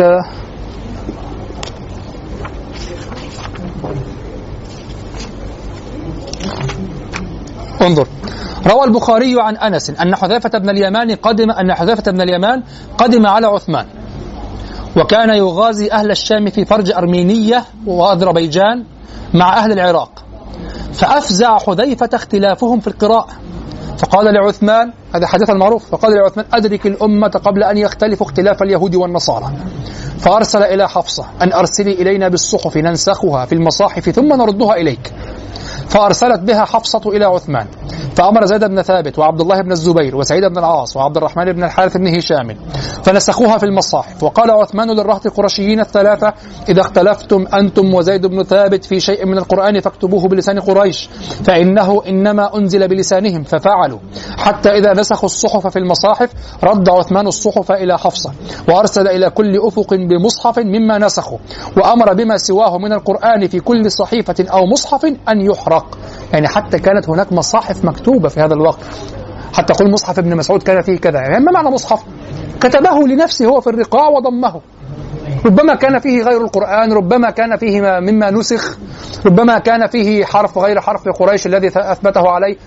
كل هذا جمع وحرق. واضح؟ نعم. هذا ما فعله عثمان رضي الله عنه. الخلاصة. فالكتابة في عهد النبي صلى الله عليه وسلم هي للحفظ. الكتابة في عهد النبي صلى الله عليه وسلم هي للحفظ. وجمع أبي بكر للخشية من الضياع بعد قتل القراء خشية فقط. فقط جمع الموجود وجعله في مصحف احتياطا. نسخة موجودة احتياطا. نعم. ونسخ عثمان ونسخ عثمان هو لرفع الفتنة بعد الاختلاف. يعني لم يكن هناك اختلاف في أبي بكر. خشية ضياع في عهد النبي صلى الله عليه وسلم حفظ. في عهد أبي بكر خشية ضياع فجمع. في عهد النبي صلى الله عليه وسلم لم تكن هناك خشية. فتكفي الكتابه المتفرقة مع وجود الحفظ. مات عدد من الحفاظ. قتل أو استشهد عدد من الحفاظ في اليمامة. خشينا من الضياع. لم تكن موجودة هذه الخشية. خشينا من الضياع. فجمع في مصحف واحد لكن لم يضع. عند عثمان كان سيحدث الضياع. هذا هو وقع المحظور. فماذا فعل في هذا المصحف الموجود؟ نسخه. طيب وإذا استحضرتم أنه أن الأحرف الأخرى غير حرف قش لم تكتب فهمتم كيف أنه نسخ هذا المصحف الموجود؟ فقط. سترى أن الحروف الأخرى كانت متداولة على الألسن فقط. لكن الآن درعا للفتنة إذا اختلفتم ارجعوا إلى هذا. كما قال إذا اختلفتم أنتم وزيد بن ثابت إذا اختلفتم يا من تذهب إليكم هذه المصاحف الأئمة إذا أنتم اقرأوا كما لقنتم مما لم يكتب. إذا اختلفتم ارجعوا للمكتوب لأن هذا هو العزيمة هو الذي نزل. وأما الآخر فكان رخصة. فإذا الرخصة أدت إلى هذا كما كل هذا شوف الأقوال الآن أو المذهب ينسبك. مذهب الطبري ينسبك. فإذا اختلفتم فاتركوا الرخصة. وارجعوا إلى المكتوب. الذي هو الوحيد المكتوب مما نزل. الذي كتب في فترة حتى المكية قبل نزول الأحرف السبع الفترة المدنية. واضح؟ لأن صحف أبي بكر مجموعة من التي كتبت في مكة وكتبت في المدينة. وردت آثار تثبت أنها كانت آه، موجودة في صندوق. كانت موجودة في صندوق. هذه الرقاع والجود وكذا كانت مجموعة هكذا عشوائية في صندوق من الخشب كبير. في هذا الوقت قبل أن يخرج منها مصحف أبي بكر رضي الله عنه.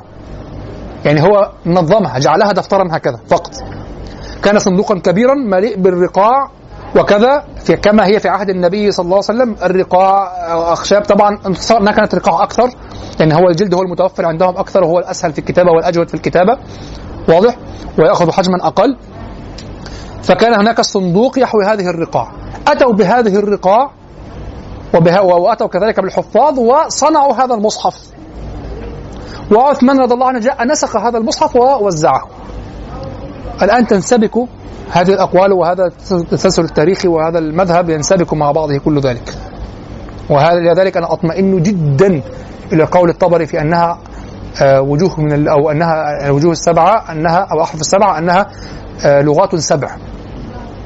ولم تكن مكتوبة كان مرخصا بها فقط. نعم. طيب. ونسخ عثمان هو لرفع الفتنة بعد الاختلاف. فيكون عمل عثمان مبنيا على صنيع الخليفة الأول وبه يظهر فضله. يعني فضل الخليفة الأول أبي بكر رضي الله عنه. يعني سيدنا عثمان رضي الله عنه هو فقط الوحيد الذي يظهر يظهر أثره وفضله هنا. سيدنا أبو بكر رضي الله عنه. وأنا أعجب من الشيعة كيف يكفرون أبا بكر بعد كل هذا. يعني بهذا الفضل وبهذه الصحبة من النبي صلى الله عليه وسلم وبهذا هذا القرب من النبي صلى الله عليه وسلم كيف يكفرون أبا بكر وعمر؟ يعني كيف يكفرون من كانوا بهذا القرب من النبي صلى الله عليه وسلم؟ تعجب تعجب شديدا جدا منه. وتعجب أيضا من يعني من تطرف الطرف الآخر يعني. لكن دعك من هؤلاء وهؤلاء. كيف تكفر أصحاب النبي صلى الله عليه وسلم؟ هذا هو. وفي المقابل كيف تنفي كل خطأ عن بعض الصحابة الذين هم في مراتب بعيدة عن النبي صلى الله عليه وسلم تنفي عنهم الخطأ تماما. والذين كانوا في قرب النبي صلى الله عليه وسلم أنزل الله تعالى فيهم منكم من يريد الدنيا منكم من يريد الآخرة. منكم. عبد الله بن مسعود رضي الله عنه يقول ما كنت أعلم أن أحدا منا خرج يريد الدنيا حتى نزلت هذه الآية. منكم من يريد الدنيا منكم من يريد الآخرة. منكم أنتم يا أصحاب محمد صلى الله عليه وسلم. لكن كيف تكفر أصحاب النبي صلى الله عليه وسلم وتكفر الاثنين القريبين منه؟ وتكفر من لهما من لهما هذا الفضل في الأمة أصلا. هذا عجيب. فالناس هنا للأسف ينسون فضل أبي بكر رضي الله عنه في جمع المصحف. أبو بكر رضي الله عنه هو أول صانع للمصحف على الحقيقة. أول صانع للمصحف. عثمان رضي الله عنه ناسخ وأمر بالتوجيه. هناك زيد, زيد بن ثابت القرشي وهناك المدنيون. واضح؟ أو من كانوا من غير قريش. إذا اختلفتم فبلسان زيد بن ثابت بلسان قريش. هذا هو. طيب. لحظة. هناك نص أريد أن أقرأه. لعله يجمع ذلك كله.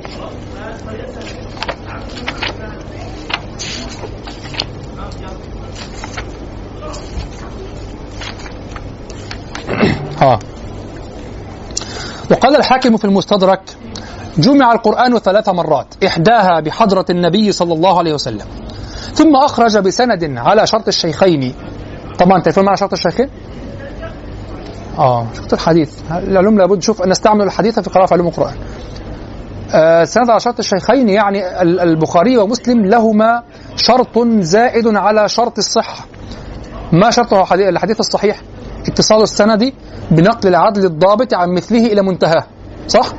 اتصال السند الثقة العدالة أو الثقة والضبط هي العدالة. مجموعه الثقة والضبط. اتصال السند الثقة الضبط يعني أن يكون الثقة في نفسه دين العدالة. ثم نفي الشذوذ نفي العلة. آه ثلاثة شروط ثبوتية وشرطان آه انتفائيان.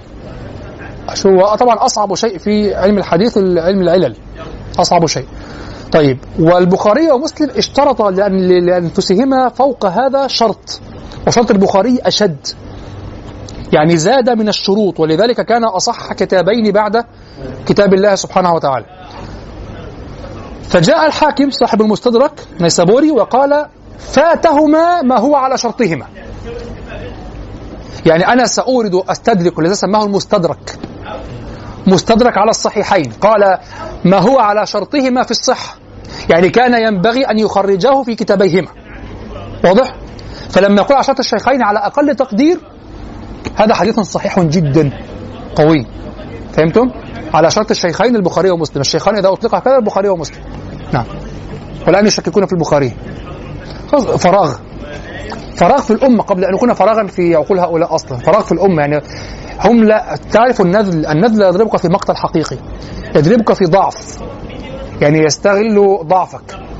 وليس أنه يستغل يعرف مواطن قوتك ويضربك في ضعف حقيقي عندك. لا يستغل هو يعرف يعرف أو يتقن أو يدرك أن أن القضية جهل منك وليس بالفعل ضعف البخاري ومسلم. فأنت فقط لن تستطيع أن ترد وضعيف وكذا وكذا. فيضربك في هذا الوقت. هذا ندالة أصلا أنت لا تطعن هذا المذهب أو هذا الدين في ضعف تراه في الفعل ضعفا حقيقيا. تطعن في ضعف أصحابه. فهمتم الفرق؟ إياك أن يسيل لعابك على عدوك إذا وجدت منه لحظة ضعف منه هو لا من مذهبه.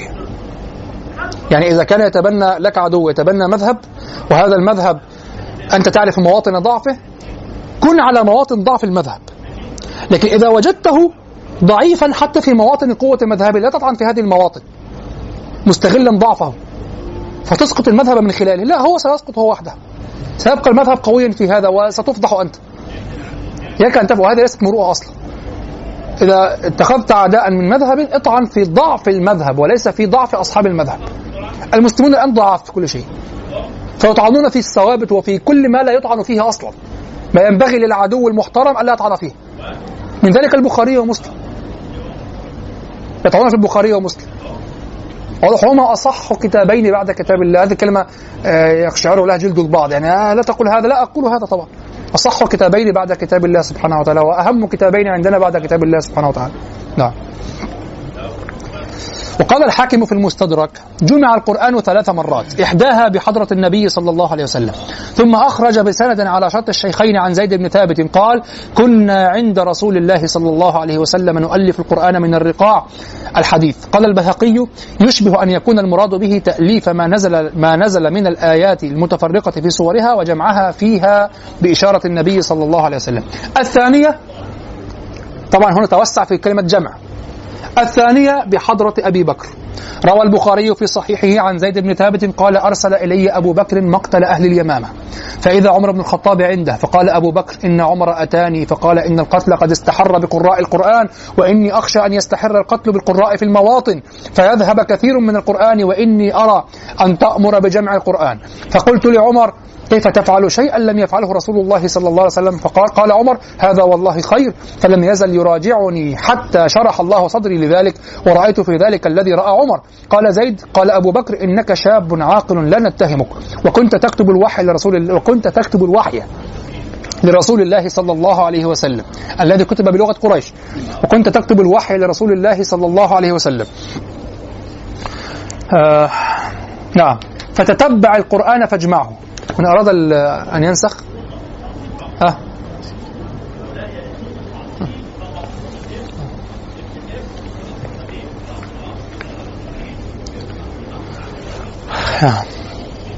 فتتبع القرآن فاجمعه. فوالله لو كلفوني نقل جبل من الجبال ما كان أثقل علي مما أمرني به من جمع القرآن. قلت كيف تفعلان شيئا؟ لم يفعله رسول الله صلى الله عليه وسلم. قال هو والله خير. فلم يزل أبو بكر يراجعني حتى شرح الله صدري للذي شرح له صدر أبي بكر وعمر. فتتبعت القرآن أجمعه من العصب واللخاف. انظر أجمعه مفرق. من العصب واللخاف. وانظر إلى قوله أتتبع القرآن أجمعه من يعني هو عنده عندهم في الصدور نص القرآن يدعمونه بالمكتوب يتوازيان المكتوب مع المحفوظ فهو يعرف القرآن أصلا ويتتبعه من الرقاع المفرقة. فهمتوا؟ فتتبعت القرآن أجمعه من العصب واللخاف وصدور الرجال ووجدت آخر سورة التوبة. مع أبي مع أبي خزيمة الأنصاري لم أجدها مع غيره إلى آخره إلى آخر ما قال. ثم يقول فكانت الصحف عند أبي بكر حتى توفاه الله ثم عند عمر حياته. طبعا ما إعراب حياته؟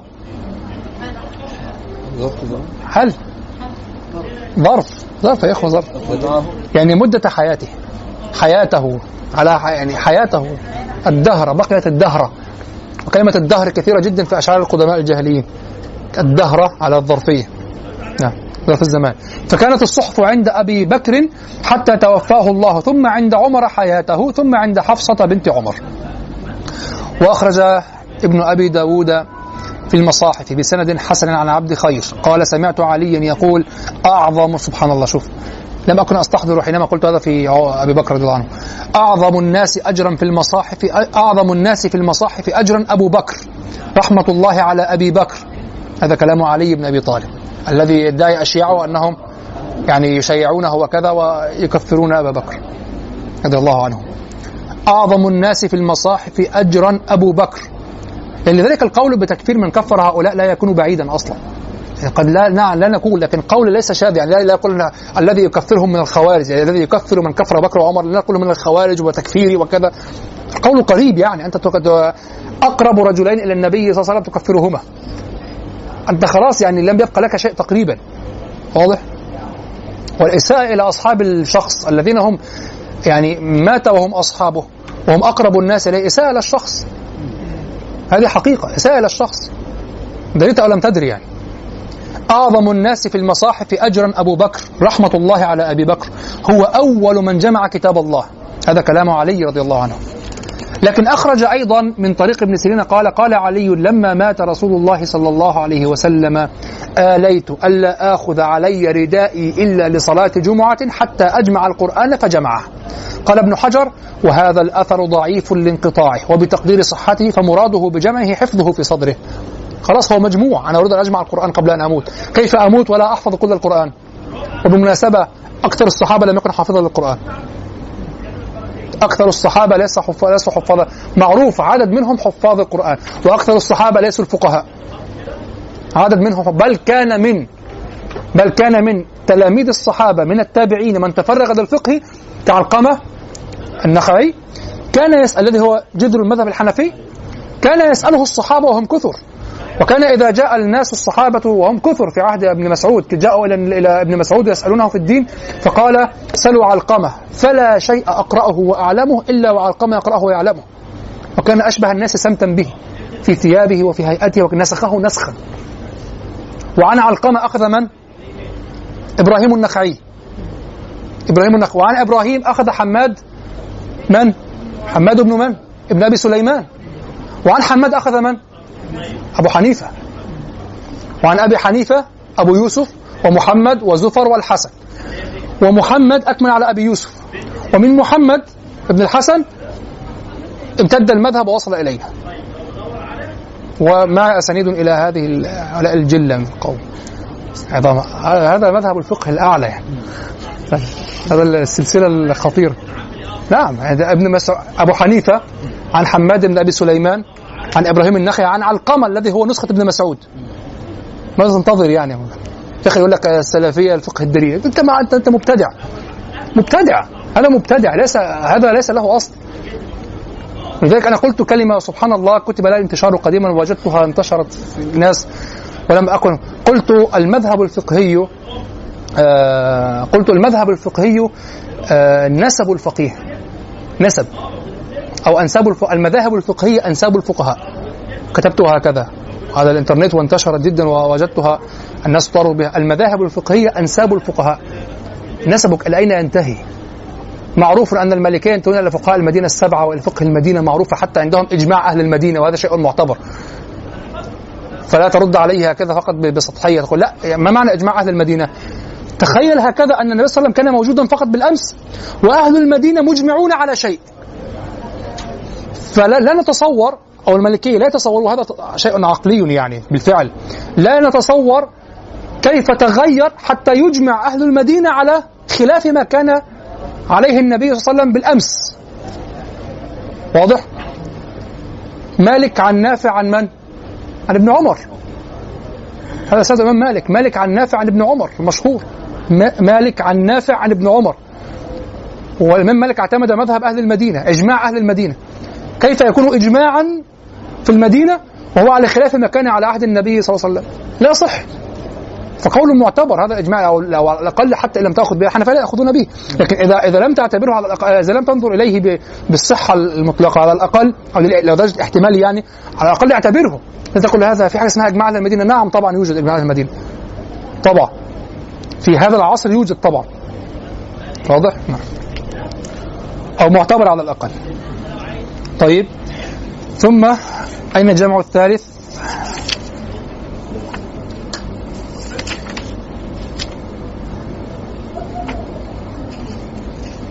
آه قال الحاكم يعني هو استطرده في الجمع أبي بكر كثيرا جدا. أطالوا في الكلام في جمع أبي بكر. قال الحاكم والجمع الثالث هو الت... انظر انظر. هو ترتيب السور في زمن عثمان. يعني الاجتهاد في ترتيب السور كان ماذا؟ كان في عهد عثمان رضي الله عنه لما نسخ المصاحف يعني مصحف أبي بكر كان غرضه فقط أن يضع المصحف على على تمامه لكن هل رتبه؟ لم يرتبه. على كلام الحاكم. لم يرتبه. وإنما رتب أثناء نسخ عثمان. وتلاحظون أن العدد الذي عمل في آه، لجنة النسخ خلاص كله تمام؟ العدد الذي جمع في النسخ في زمان عثمان كان عددا أكبر. تلاحظون هذا صح؟ أما الآخر فقط يقول زيد فتتبعته أكتبه. كتب مصحف واحد وخلاص. أما الآخر كان خمس مصاحف. واضح؟ مع خلاف في العدد. قال قال الحاكم والجمع الثالث هو ترتيب الصور في زمن عثمان. روى البخاري عن أنس عن أنس أن حذيفة بن اليمان قدم على عثمان الأثر المعروف في جمع في نسخ المصحف في زمان عثمان رضي الله عنه. آه يريدوها أحد؟ كله خلصنا؟ ها طيب هي موجودة. تفضل جزاك الله خير.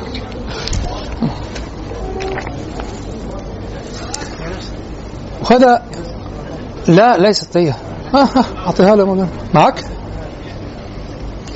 مش متابع الصفحة معلش موجود على الكمبيوتر هنا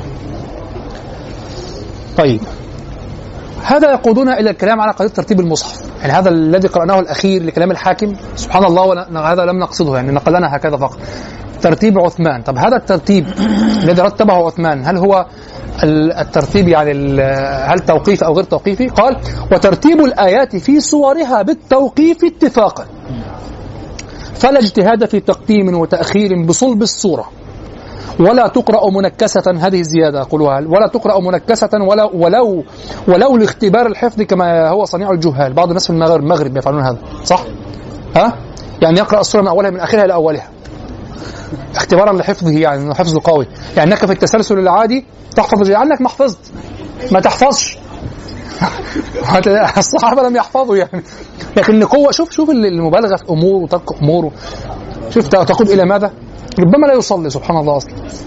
ثم في النهاية يقرأ أه؟ عندكم؟ في نيجيريا. يعني اختبار لقوة الحفظ. آه طبعا. يقرأ السورة من آخرها إلى أولها. الآية والآية هكذا.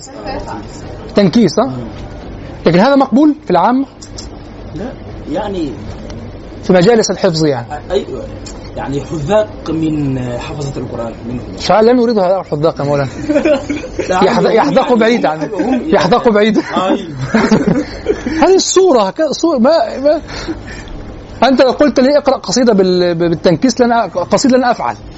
والله لن أفعل. والله إني إني أحترم القصائد وأحترم ديوان الشعر يعني احترموها حتى في الوقفة في الكلام في تناول الديوان فكذا احترم الكتب.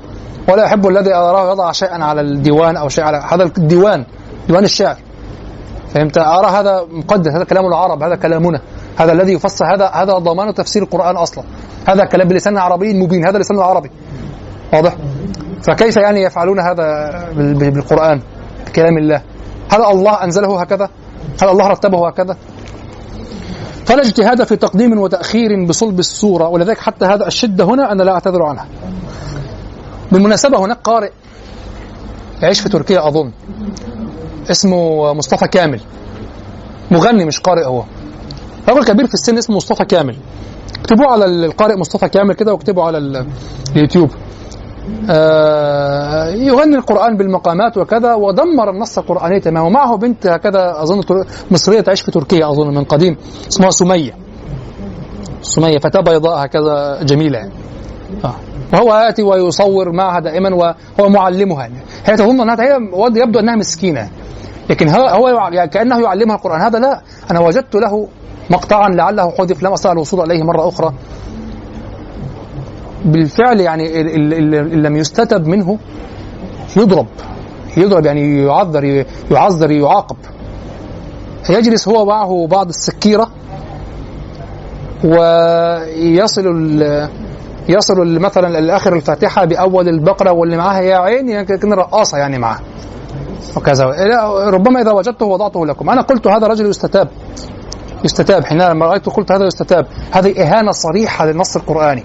بالفعل كأنهم في خمارة كأنهم في كباريه في كازينو ليلي بالفعل يعني.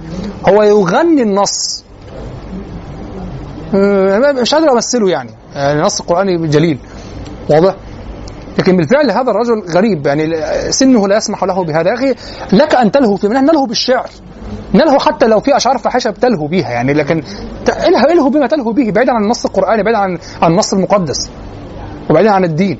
لكن تغني القرآن بهذا الشكل ويتاجر بهذا الشيء بهذا الأمر. هو هكذا مزاج فقط. اجعل مزاجك في شيء غني يا أخي. صوته حلو كده يعني صوت المصري الأصيل. غني. غني يعني. صوت اللي هو الرفري الصعيدي أو الريفي القديم اللي فيه بحة كده. محمد عبده زمان ولا اسمه إيه ال- المغنيين عبد المطلب والناس دي الصوت الجميل ده. حلو غني. بس مش قرآن. واضح؟ فللأسف الشديد وهذا هذا يعني ممن تملكهم الشيطان. واستهانوا وحقيقة, وحقيقة أفعالهم تدل على أنهم استهانوا بكتاب الله وبالله تعالى في صدورهم لكن يقول لك لا تحكم على في قلبك. لا لا أحكم على ما في قلبك. أنت ما تفعل مسخرة. أنت تهين. أنا لو قلت اسمك هكذا نطقت اسمك كما تنطق أنت النص القرآني الآن ستعتبرها إهانة أصلا. لو نطقت اسمك لو قرأت كلامك بهذا الشكل إهانة. هذا كلام الله. اسمه مصطفى كامل. شخص راجل كبير في السن شخص غير محترم. شخص يستحق الإساءة. طيب. وقيل به في الصور يعني بماذا؟ بالتوقيف. وقيل به في الصور يعني في ترتيب الصور. وقيل به في الصور وقيل بالاجتهاد وعليه الأكثرون. وفسر به اختلاف المصاحف والبعض بالأول سوى الأنفال وبراءة والبعض بالأول يعني ب بماذا؟ بالاجتهاد بالتوقيف. سوى الأنفال وبراءة أي وقيل بالتوقيف الشرح وقيل بالتوقيف في ترتيب الصور كما في المصاحف المنسوخة من مصاحف عثمان. واضح؟ والقول الثاني أن ترتيب الصور إنما قام به الصحابة اجتهادا لا توقيفا من النبي صلى الله عليه وسلم. والذي ذهب إليه البيهقي وتابعه السيوطي أن ترتيب الصور كله توقيفي سوى الترتيب بين الأنفال والتوبة. وفي الاستثناء نظر والله تعالى أعلم. وسنعرف لماذا الاستثناء نظر. طيب صاحب ال- البرهان هذا الكتاب الذي أخبرتكم عنه من قبل وهو البرهان في تناسب صور القرآن. البرهان في تناسب صور القرآن. الغرناطي. هو أحمد بن إبراهيم بن الزبير الثقفي معروف بالغرناطي لأنه عاش في غرناطة. نعم. هو ثقافي كما يظهر يعني. العرب هم الذين فتحوا إسبانيا وعاشوا هناك الأمويون وعاشوا في إسبانيا قريبا. نعم. طيب. له كلام لخص هذه القضية. انظروا ماذا يقول؟ دار ابن حزم. تسأل عن كتاب حد سأل عن شيء؟ طيب. هو يقول المؤلف وهل ذلك بتوقيف من الشارع عليه السلام أم هو من فعل الصحابة رضوان الله عليهم؟ اعلم اولا أن ترتيب الآيات في سورها واقع بتوقيفه صلى الله عليه وسلم وأمره. الآيات في السور واقع بتوقيفه صلى الله عليه وسلم وأمره. من غير خلاف في هذا بين المسلمين وإنما اختل- اختلف في ترتيب السور على ما هي عليه. وكما ثبت في الإمام مصحف عثمان رضي الله مصحف- عثمان بن عفان رضي الله عنه الذي بعث بنسخه إلى الافاق وأطبقت الصحابة. على موا- آه، موافقة عثمان في ترتيب صوره وعمله فيه فذهب مالك والقاضي أبو بكر بن الطيب فيما اعتمده واستقر عليه مذهب من مذهب مذهبه من قوليه والجمهور من العلماء انظروا آه. فذهب مالك والقاضي أبو بكر والقاضي أبو بكر بن الطيب فيما اعتمده واستقر عليه مذهبه من قوليه. والجمهور من العلماء على أن ترتيب الصور إنما وقع باجتهاد من الصحابة. وأن رسول الله صلى الله عليه وسلم فوض ذلك إلى أمته بعده. ترتيب الصور بهذا الشكل اجتهاد. واضح؟ وذهب طائفة من العلماء إلى أن ذلك إنما وقع بتوقيفه صلى الله عليه وسلم وأمره. ولكل من الطائفتين جهات تعلق. وكلا القولين والحمد لله لا يقدح في الدين ولا يثمر إلا اليقين. فأقول مستعينا بالله سبحانه اعلم أن الأمر في ذلك كيفما قدر فلا بد من رعي من رعي للتناسب والالتفات. لأنه كتابه في ماذا؟ في تناسب الصور. فهو يقول لك سواء كان الترتيب توقيفيا أو اجتهادا هناك علة يقوم عليها الترتيب. يعني أنا لا أقول إن الترتيب توقيفي. أنا محمد رشيد لا أقول الترتيب ترتيبي توقيفي. أراه اجتهادا. لكن أراعي هذا الترتيب وأبحث فيه عن أسرار الصحابة في الترتيب لكن مع انفصال الصورة لكن هناك مناسبة ظهرت لهم تعليمية تربوية لكن ليست إلهية في النص وإلا كان توقيفا فهمتم؟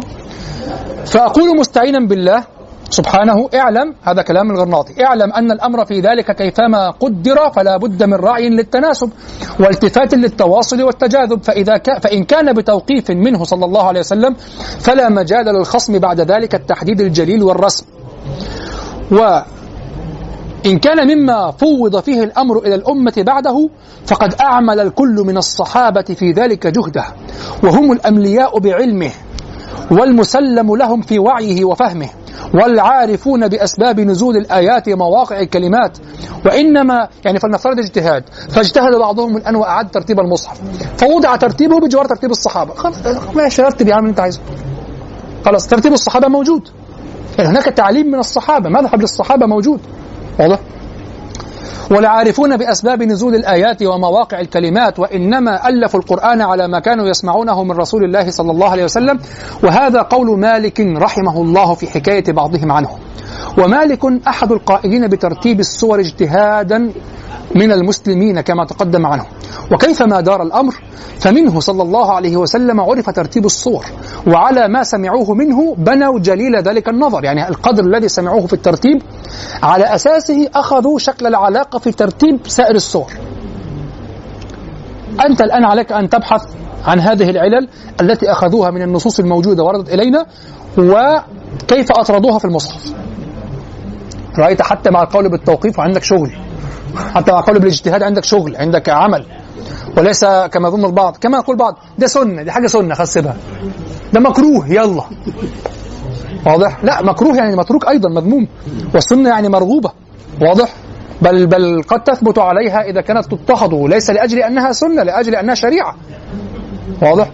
فكذلك هنا ترتيب الصحابة. لا ده اجتهاد. خلاص لا اجتهاد من؟ ابحث الآن. فانظر لك هذا الكلام دقيق. يقول حتى لو قلنا اجتهاد. منه صلى الله عليه وسلم عرف ترتيب الصور. وعلى ما سمعوه أو على يعني على القدر الذي سمعوه في الترتيب هناك ترتيب قرأ به النبي صلى الله عليه وسلم. وكان يلتزمه في بعض القرآن. وعلى ما سمعوه منه بنوا جليل ذلك النظر.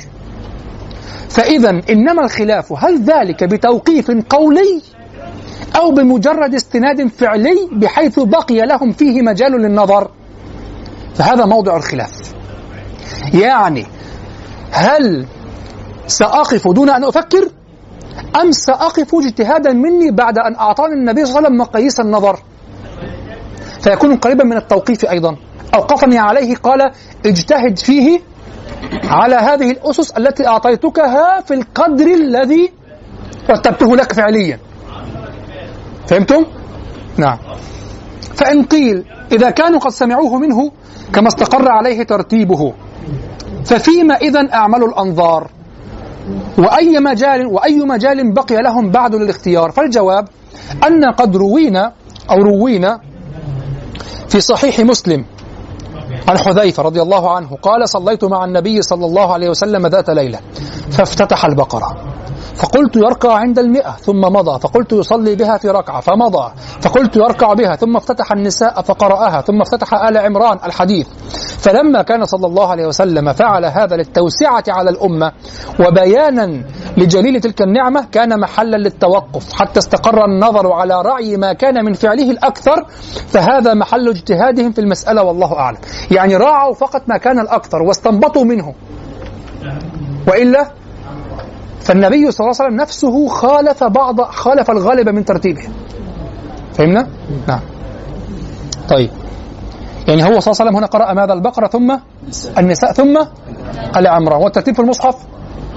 آل عمران النساء ثم يشهد يقول الجغرناطي ثم يشهد لما بنينا كتابنا هذا. هو طبعا هنا يستشهد يدور حول ماذا؟ حول الصور بينها تناسب في المصحف. لا تقل لي ليست توقيفا. لا حتى لو اجتهاد يوجد تناسب. الفقط فقط فقط الفرق هل الآن أنا أبحث عن التناسب الذي هو من النبي صلى الله عليه وسلم أم من النبي صلى الله عليه وسلم عن طريق اجتهاد الصحابة فيه؟ هذا هو الفرق. هل بمرحلة بواسطة أم بغير واسطة؟ توقيف يعني بغير واسطة. باجتهاد يعني بواسطة الصحابة. لكن في كلا الحالتين سأبحث عن المناسبة. وهذا كتاب في المناسبة. هذا هو. ثم يشهد هو يرد على من يقول له هذا توقيف هذا اجتهاد على مذهب الجمهور فلماذا تبحث عن مناسبة؟ لا حتى لو اجتهاد أنت قلت اجتهاد. يعني هناك مناسبات في هذا الترتيب اجتهدوا فيه وإلا لجمعوه دون جمعوه كما نقول اعتباطا. اعتباطا يعني يعني هكذا ليس اعتباطا العبط لا اعتباط يعني على غير على غير خطة يعني على غير نظر كيفما اتفق. طيب يقول ثم أشهد لما بنينا كتابنا هذا عليه ما ورد في مصنف ابن أبي شيبة عن أناس من أهل المدينة. قال الحاكم أرى فيهم أبا جعفر. قال كان رسول الله صلى الله عليه وسلم يقرأ في الجمعة بسورة الجمعة والمنافقون. فأما سورة الجمعة فيبشر بها المؤمنين ويحرضهم وأما سورة المنافقين فيؤيس بها المنافقين ويوبخهم. وحكى الخطابي أن الصحابة لما اجتمعوا على القرآن وضعوا سورة القدر عقب العلق. استدلوا بذلك على أن المراد بهاء الكناية في قوله تعالى إن أنزلناه في ليلة القدر إشارة إلى قوله اقرأ. رأيتم؟ قال القاضي أبو بكر بن العربي وهذا بديع جدا. قلت ومن ظن ممن اعتمد القول بأن ترتيب السور اجتهاد من الصحابة أنهم لم يراعوا في ذلك التناسب والاشتباه فقد سقطت مخاطبته. وإلا فما المراعى وترتيب النزول غير ملحوظ في ذلك بالقطع؟ يعني الواو هنا الحال. فما المراعى والحال أن ترتيب النزول غير ملحوظ في ذلك بالقطع. فهمتم؟ يعني هم لم يراعوا بالقطع لم يراعوا ترتيب النزول. ولكنهم رتبوا واجتهدوا في الترتيب. فما المراعى؟ مناسبات بين الصور. أقام عليها هذا الكتاب. بعد ذلك قد يتكلف أو لا يتكلف شيء آخر. فهمتم؟ طيب. بل هذا معلوم في ترتيب آي القرآن الواقع ترتيبها بأمره عليه السلام وتوقيفه بغير خلاف. يعني وجود مناسبة في الآية معناها توقيفية فيها. ألا ترى أن سورة البقرة من المدني وقد تقدمت سور القرآن بتوقيفه عليه السلام في الصحيح المقطوع به وتقدم المدني على المكي في ترتيب السور والآي وتقدم المدني على المكي في ترتيب السور والآي كثير جدا. فإذا سقط تعلق المكان بترتيب النزول لم يبق إلا رعي التناسب والاشتباه. وارتبط وارتباط أو ارتبط النظائر والأشباه. وتدبر بعقلك وضوح ذلك في عدة في عدة صور كالأنفال وبراءة والطلاق والتحريم والتكوير والانفطار والضحى وألم نشرح والفيل وقريش والمعوذتين إلى غير هذه الصور مما لا يتوقف في وضوحه من له أدنى نظر. إن هناك علة للترتيب حكمة. ليست توقيفا خلاص. يعني ليس حراما أن أن تقرأه مفرقا ليس مكروها. وقد مال القاضي أبو محمد عبد الحق بن عطية. هذا ابن عطية صاحب التفسير تحرير آه، آه، محرر الوجيز. محرر الوجيز في 15 مجلدا. كتاب جيد جميل. مما فيه بلاغة أيضا في يعني بالبلاغة لكن ليس طبعا كالزمخشري وابن آه، عاشور. وقد مال القاضي أبو محمد عبد الحق بن عطية رحمه الله في ترتيب السور إلى القول بالتفصيل. وأن كثيرا من سور القرآن قد كان علم ترتيبها في أيامه صلى الله عليه وسلم كالسبع الطوال والحواميم والمفصل. وأشار كلامه إلى أن ما سوى ذلك يمكن أن يكون عليه السلام فوض الأمر فيه إلى الأمة بعده ولم يقطع القاضي أبو محمد في هذا القسم بشيء. يعني هذا كأنه يقول بعضه مذهب الذي يقول بعضه توقيفي وبعضه اجتهادي يعني. وظواهر الآثار شاهدة بصحة ما ذهب إليه في أكثر مما نص عليه. يعني أكثر مما هو نص عليه أيضا. لا هناك أكثر. ويبقى قليل من الصور يمكن فيها جري الخلاف أو يكون وقع. أو يكون نعم أو يكون وقع. وإذا كان مستند يعني إما يبقى تتحمل الخلاف أو وقع فيها بالفعل. وإذا كان مستند المسألة النقل لم يصعب خلاف غير أهله على أن ما مهدناه في المراعاة في الترتيب حاصل لا محالة على كل قول. ولنورد بعض ما يشهد بظاهره من الآثار لما قاله القاضي أبو محمد و ماذا؟ وهناك مشكلة وقال هكذا في النسختين. وعلى ما نطنا به. نطنا يعني كمان الإناطة يعني. نعم. فمن ذلك قوله عليه السلام اقرأوا الزهراوين البقرة وآل عمران. في حديث خرجه مسلم وغيره. وخرج أيضا قوله صلى الله عليه وسلم يؤتى بالقرآن يوم القيامة وأهله الذين كانوا يعملون به. آه تقدمه سورة البقرة وآل عمران. وفي مصنف ابن أبي شيبة عن ابي عن ابن خالد قال صلى رسول الله صلى الله عليه وسلم بالسبع الطوال في ركعة. وفيه أنه عليه السلام كان طبعا السبع الطوال قبل جمع المصحف. فإذا كانت تجمع. هناك مناسبة بينها؟ بهذا الترتيب. الحديث وفي مسند آه, آه, آه صلى رسول الله صلى الله عليه وسلم بالسبع الطوال في ركعة. نعم. وفيه أنه عليه السلام كان يجمع المفصل في ركعة. وفي صحيح البخاري عن عبد الرحمن بن يزيد قال سمعت عبد الله بن مسعود يقول في بني إسرائيل والكهف ومريم وطه والأنبياء إنهن من العتاق الأول وهن من تلادي. فذكرها نسقا. فذكرها نسقا كما استقر ترتيبها. وفي صحيح البخاري عن عائشة أن النبي صلى الله عليه وسلم كان إذا أوى إلى فراشه كل ليلة جمع كفيه ثم نفث فيهما فقرأ فيهما قل هو الله أحد وقل أعوذ برب الفلق وقل أعوذ برب الناس الحديث. وفي المصنف عن عمر أنه قرأ في ركعة واحدة آآ آآ ماذا؟ هذا فيه كأنه آه. أنه قرأ أنا لم يصوروا.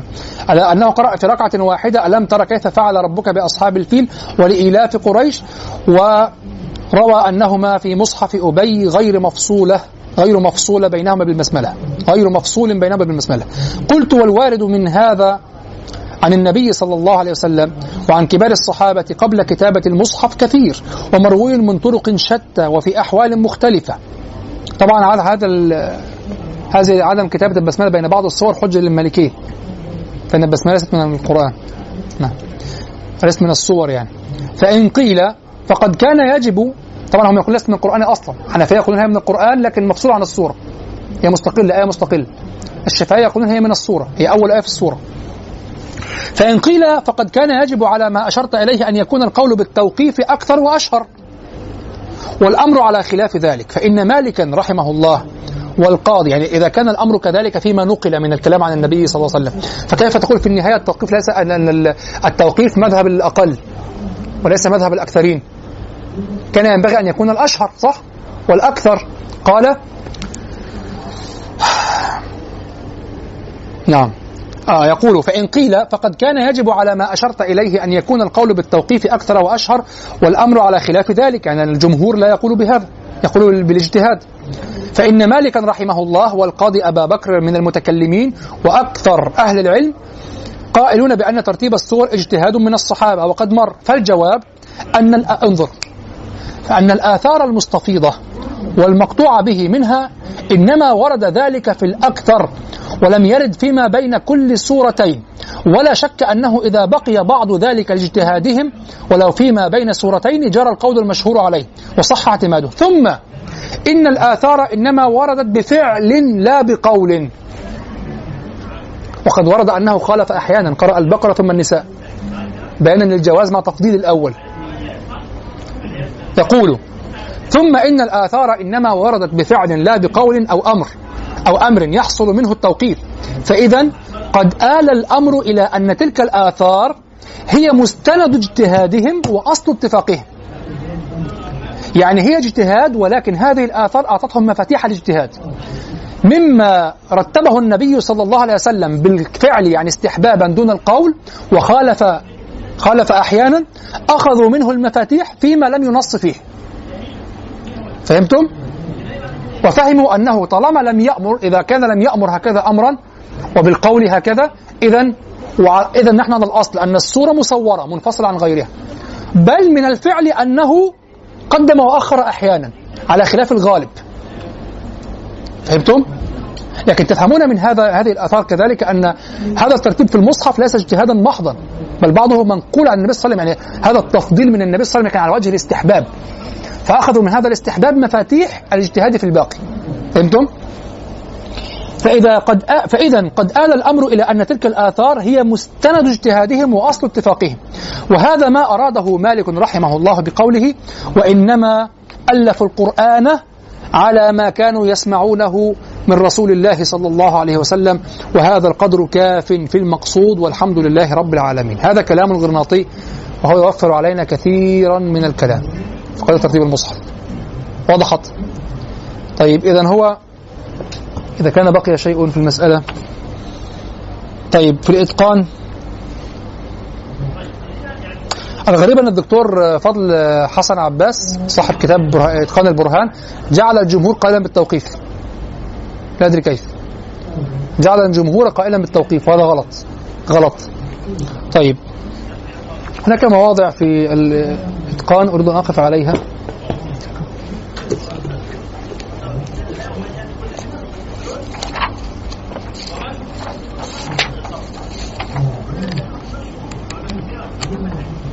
طيب.